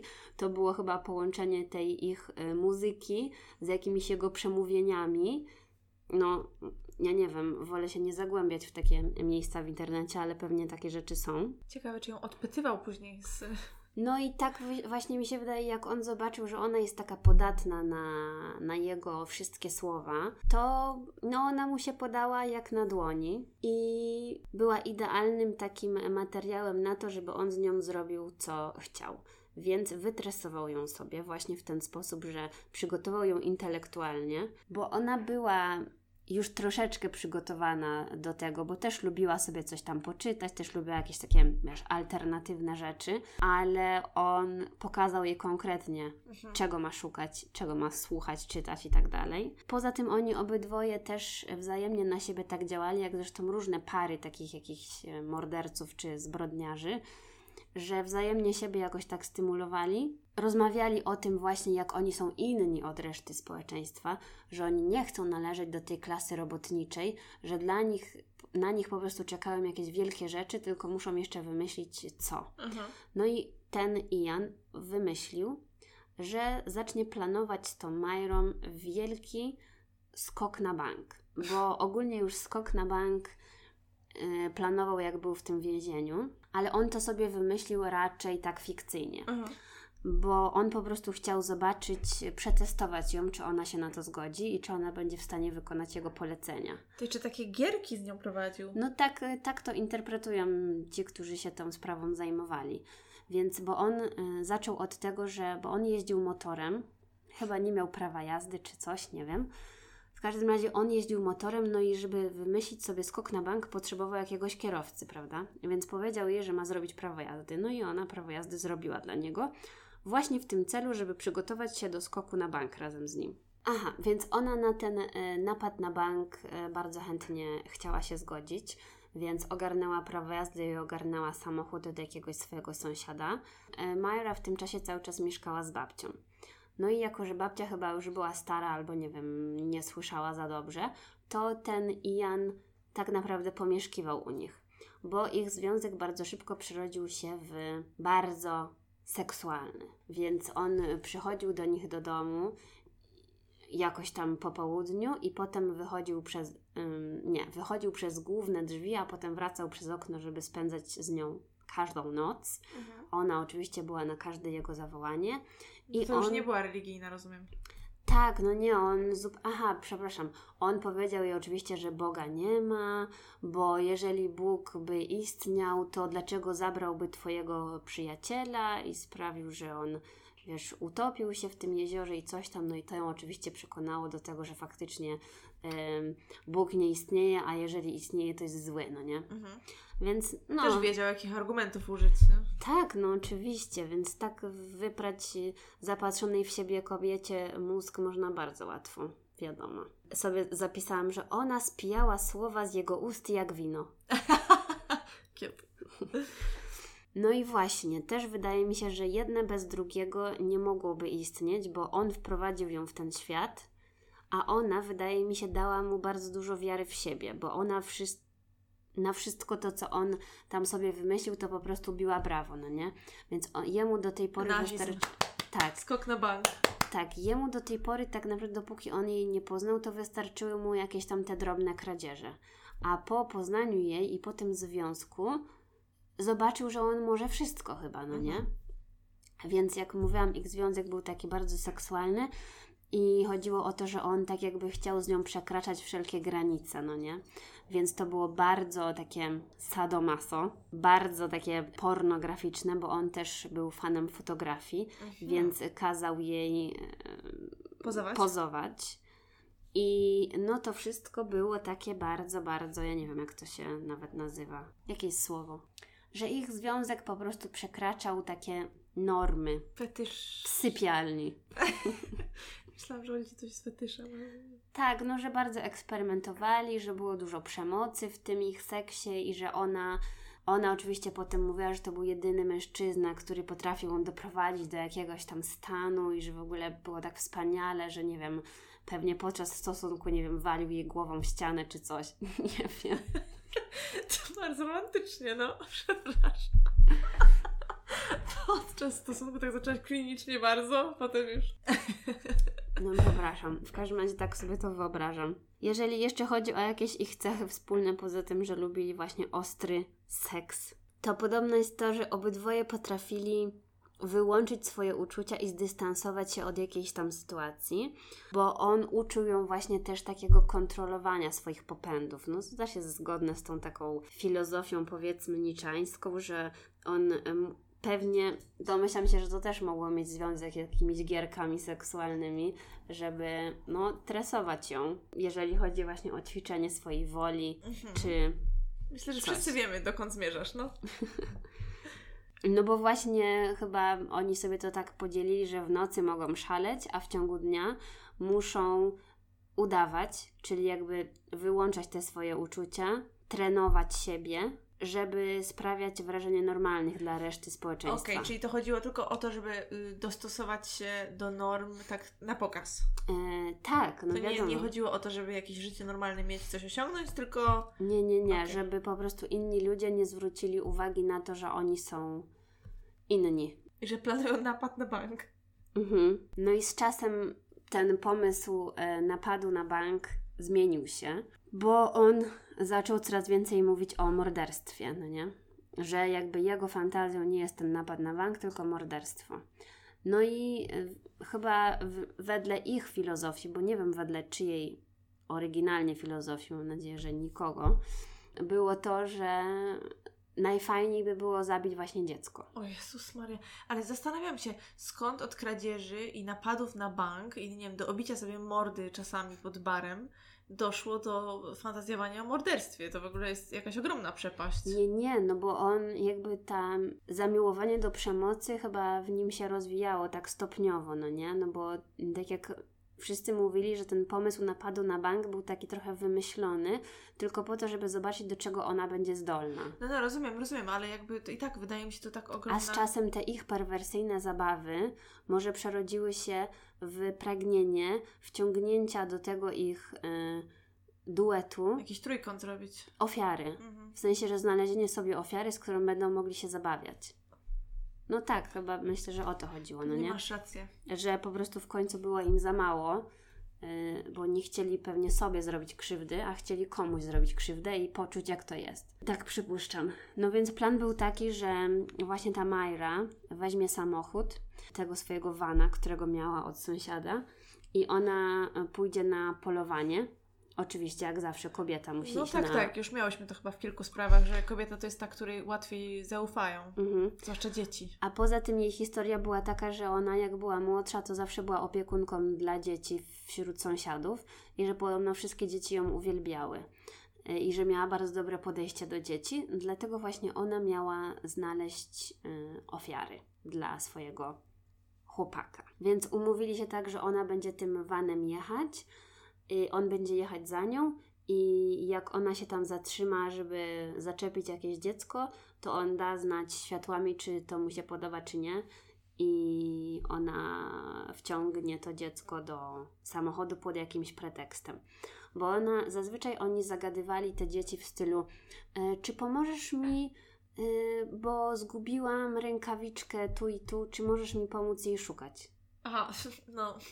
Albo coś w stylu, że mm, właśnie już chyba te starsze dzieci, bo tam była jakaś taka starsza dziewczynka, która szła na jakąś pierwszą potańcówkę, to chyba jej zaproponowali, że ją podwiozą gdzieś, no nie? Znaczy Mhm. ona zaproponowała, że podwiezie ją gdzieś, czy coś takiego.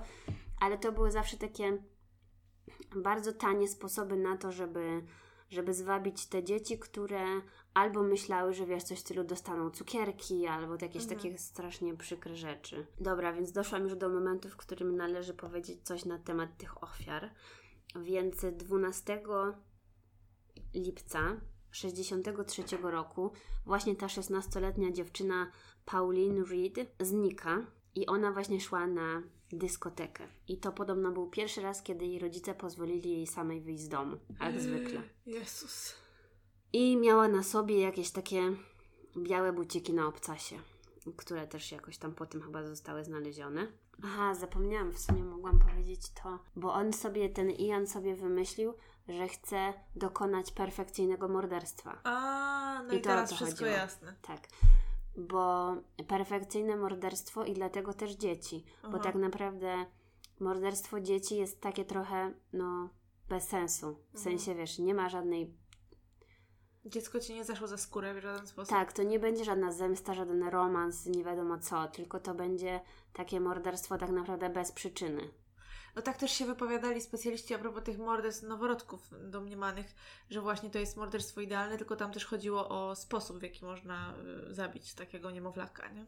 No a też jeszcze tutaj oni mieli o tyle, tak sobie to wymyślili, dobrze zresztą, no bo się udało, że właśnie dzieci łatwiej jest gdzieś zwabić, Mhm. bo są takie naiwne, no i właśnie to się im udało, że zaczepiła, dziecko weszło do samochodu, wywieźli na te wrzosowiska, no i tam jakoś o zmroku mogli zrobić wszystko, bo to były takie bardzo opuszczone tereny, gdzie tam nikt się nie zapuszczał, nie było żadnych świadków, mieli po prostu pełno tylko ziemi wokół siebie.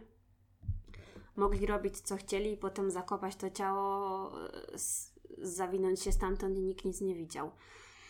I właśnie tak się wydarzyło z tą pierwszą ofiarą Pauline. I co ciekawe, właśnie ta mm, dziewczynka miała 16 lat i ona była koleżanką ze szkoły siostry Majry. O Jezu. To jeszcze ona ją znała, dlatego jej zaufała może. Mhm. I właśnie ona ją skusiła tym, że chyba tamta dziewczynka była w stanie ją rozpoznać, że jest siostrą jakiejś tam jej koleżanki i ona poprosiła ją, żeby pojechała z nią na te wrzosowiska poszukać jakiejś drogiej rękawiczki. Także straszna ściema. Więc ta dziewczynka się zgodziła w ogóle wsiąść do tego samochodu, no i już nie wróciła. Mm, No i podobno ta y, Majra potem zeznała, że ona siedziała w wanie, podczas gdy ten Ian e, zabrał tą dziewczynkę na wrzosowiska i tam zrobił z nią co chciał. A Majra czekała? Mhm.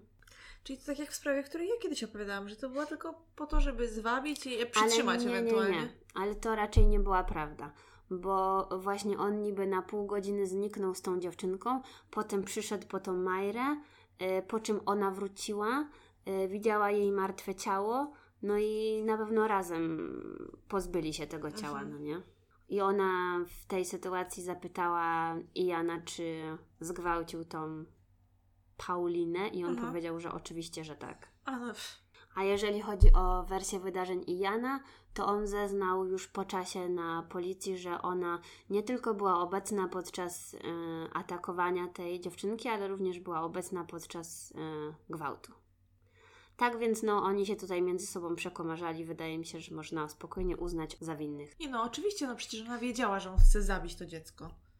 No tak, no bo planował razem z nią morderstwo idealne. To tak jak ja kiedyś opowiadałam o takiej parze, co to, że ona pomagała mężowi wabić do jakichś swoich zwyrolskich... Mhm.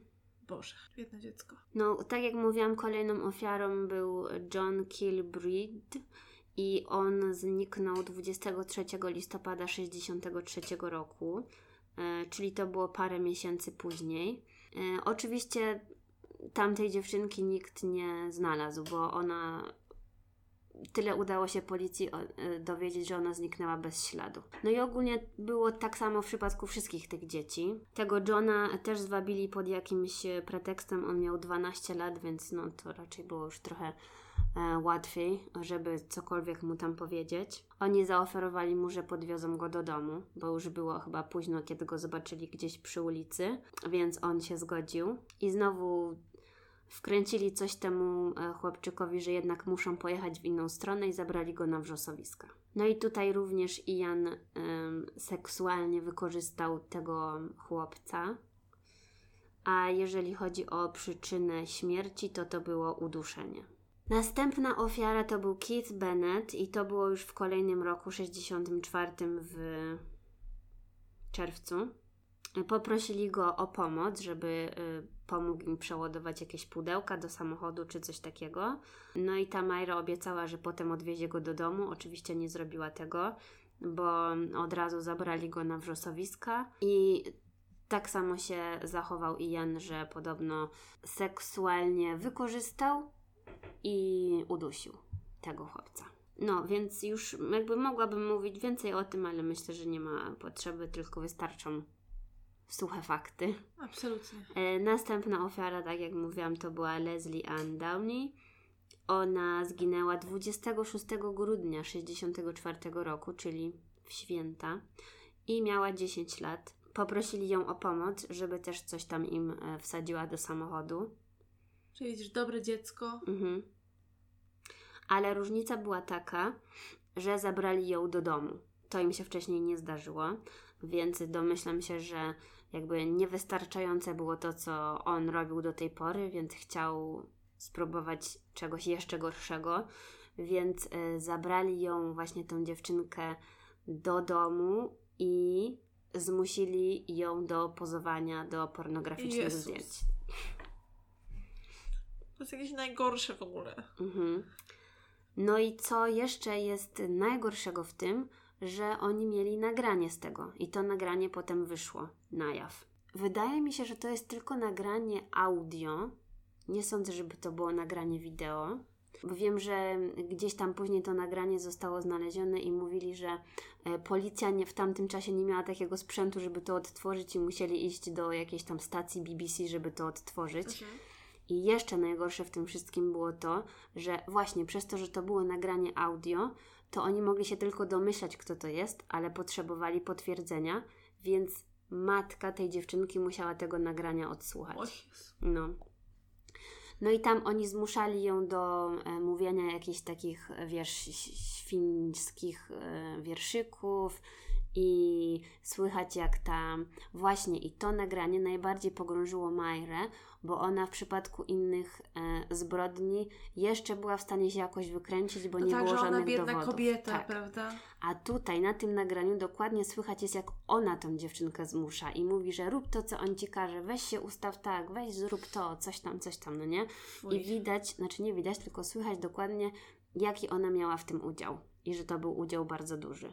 No i tutaj oni znowu zeznania mieli sprzeczne, bo ona powiedziała, że wyszła, a potem wróciła i znalazła jej martwe ciało. Z kolei Ian powiedział, że to Majra zabiła tę dziewczynkę, więc też nie wiadomo jak dokładnie to było. Ale następnego dnia e, wspólnie zawieźli ciało na wrzosowiska i zakopali ją nagą e, razem z jej ciuchami gdzieś tam obok w jakimś płytkim grobie. No i ostatnia zbrodnia na Edwardzie Evansie mm, to była zbrodnia, która ich pogrążyła, mm, ponieważ jeszcze nie powiedziałam, bo to jest kolejny po prostu wątek w tej historii, których jest mnóstwo, że Majra miała siostrę, Mhm. a jej siostra miała chłopaka. Aha. I ten No chłopak... tak, ta siostra już musiała być starsza, nie? Ile? No już była nastolatką. E, tak. I jej siostra e, wpadła z tym chłopakiem, więc oni się jakoś tam związali, wzięli ślub i oni wszyscy we czwórkę się dość mocno kumplowali, bo ten chłopak tej siostry był jakimś takim lokalnym przestępcą też. W sensie, Aha. no był znany z jakichś tam kradzieży i innych e, przewinień. Taki rzezimieszek. Tak. Więc Ian miał taki plan, żeby chyba wciągnąć go w ich przestępstwa. Bo wydawało mu się, bo ten chłopak był młodszy, on miał 17 lat wtedy. I wydaje się, że Iano, Ian myślał, że będzie w stanie go tak samo urobić, może jak Maire, że to będzie kolejny jego, wiesz, followers, no To nie? już on naprawdę musiał mieć o sobie niezłe mniemanie już w tym momencie. Tak, bo Chciał właśnie... kult stworzyć jakiś, czy co? Nie wiem. Ale właśnie dziwne było to, że oni znowu tego Edwarda, to było w październiku 65 roku, i to tym razem Ian wybrał ofiarę, i było to na dworcu w Manchesterze. I tak naprawdę on poderwał tego chłopaka, bo ten chłopak miał 17 lat. To była najstarsza ofiara, więc ten Edward miał 17 lat i bardzo dobrze wyglądał. Był taki no, wystrojony, zadbany i właśnie Ian robił jakieś takie komentarze, że no udało mu się go zwabić, dlatego że był gejem, no nie? Mhm. Że w sensie tamten chłopak był gejem, więc pomyślał, że go podrywam, czy coś takiego.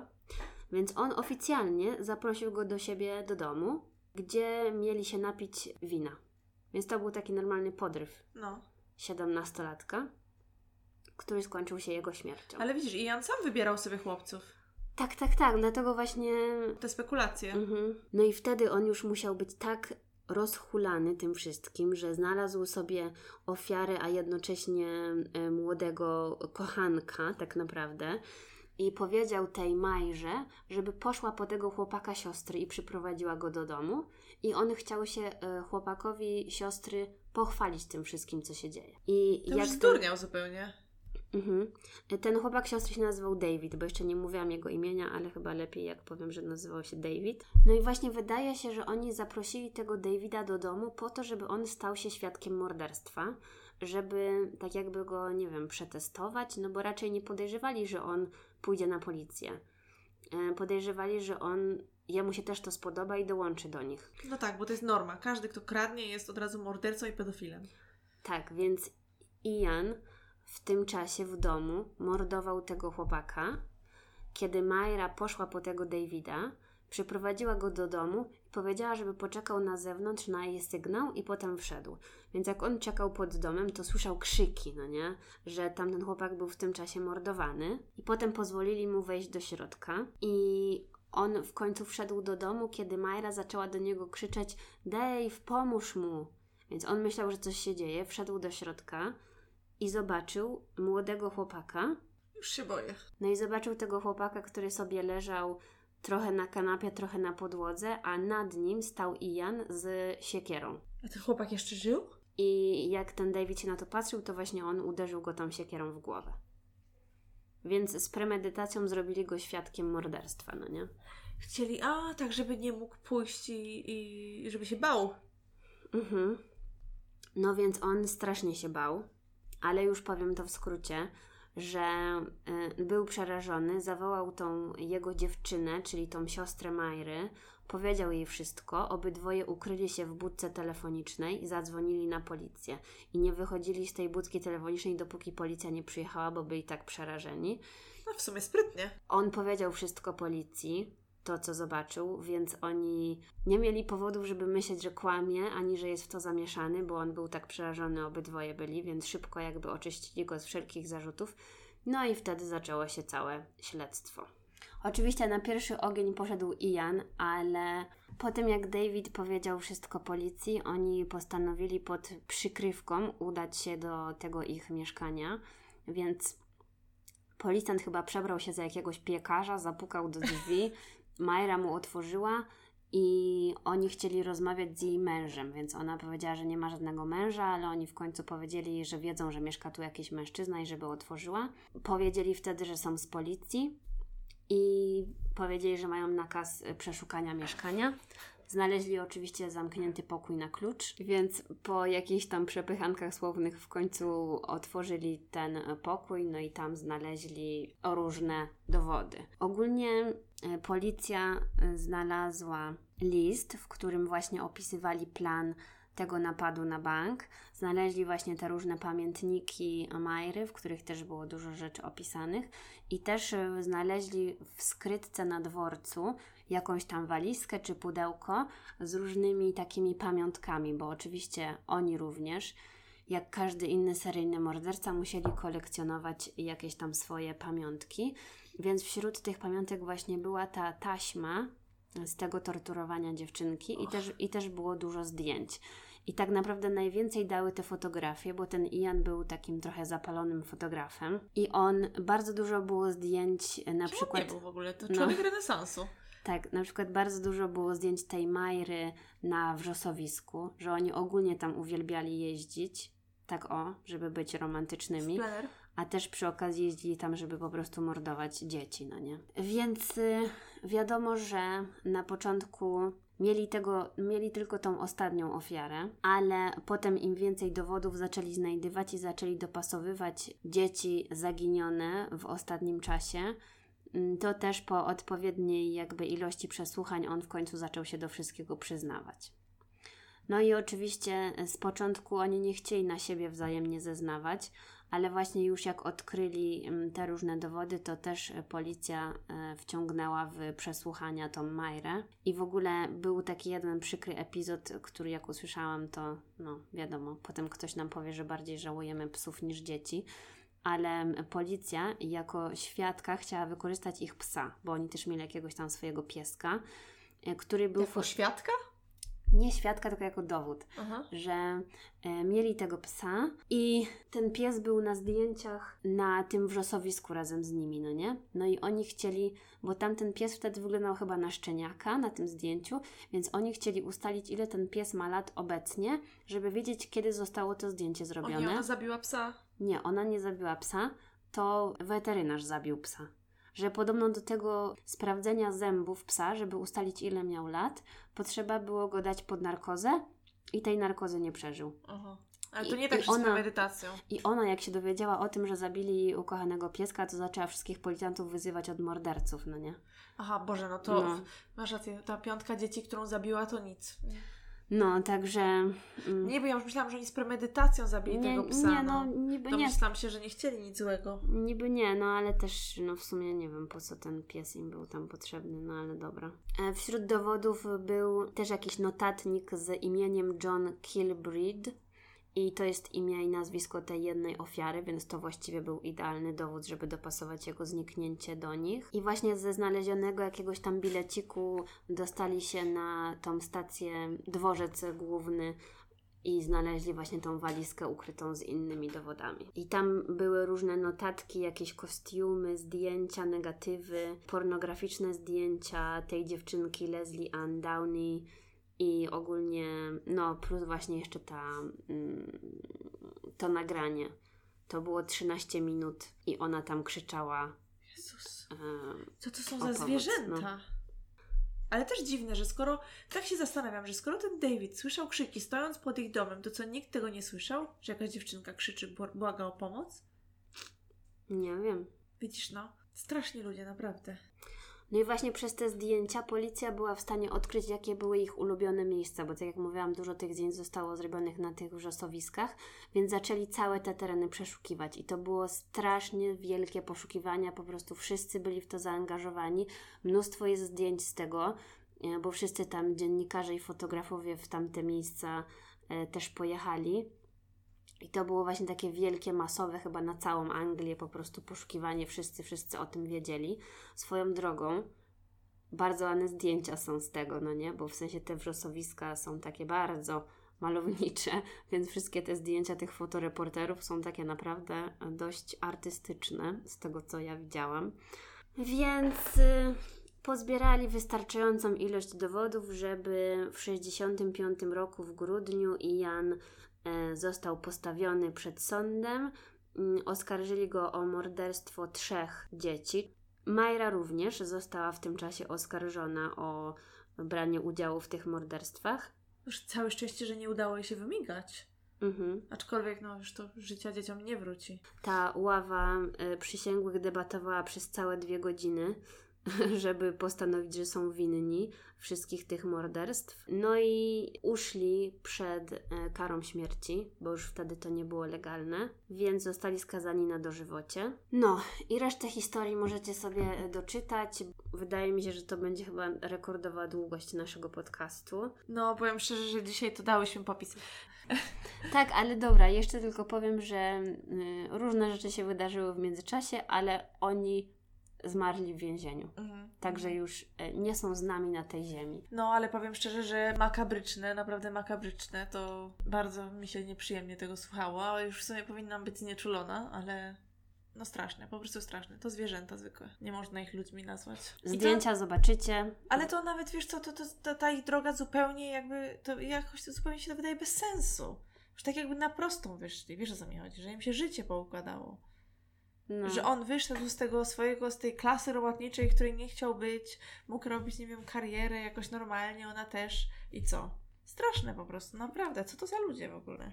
no, on ogólnie został uznany za chorego psychicznie, No musiał być, bo przecież to... ale ona nie. Jeszcze kto wpada na pomysł, chodź pokażemy tam bratu twojej siostry, na pewno mu się spodoba. No na pewno, bo to jest super normalne.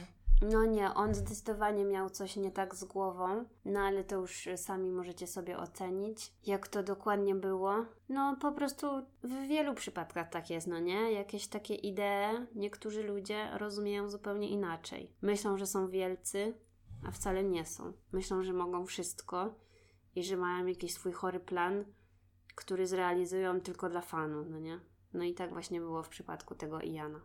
A ona była tak w niego wpatrzona, że uwierzyła w to wszystko, no nie? Teraz będę cały czas tylko myśleć, jaki terror te biedne dzieci przeżywały przed śmiercią.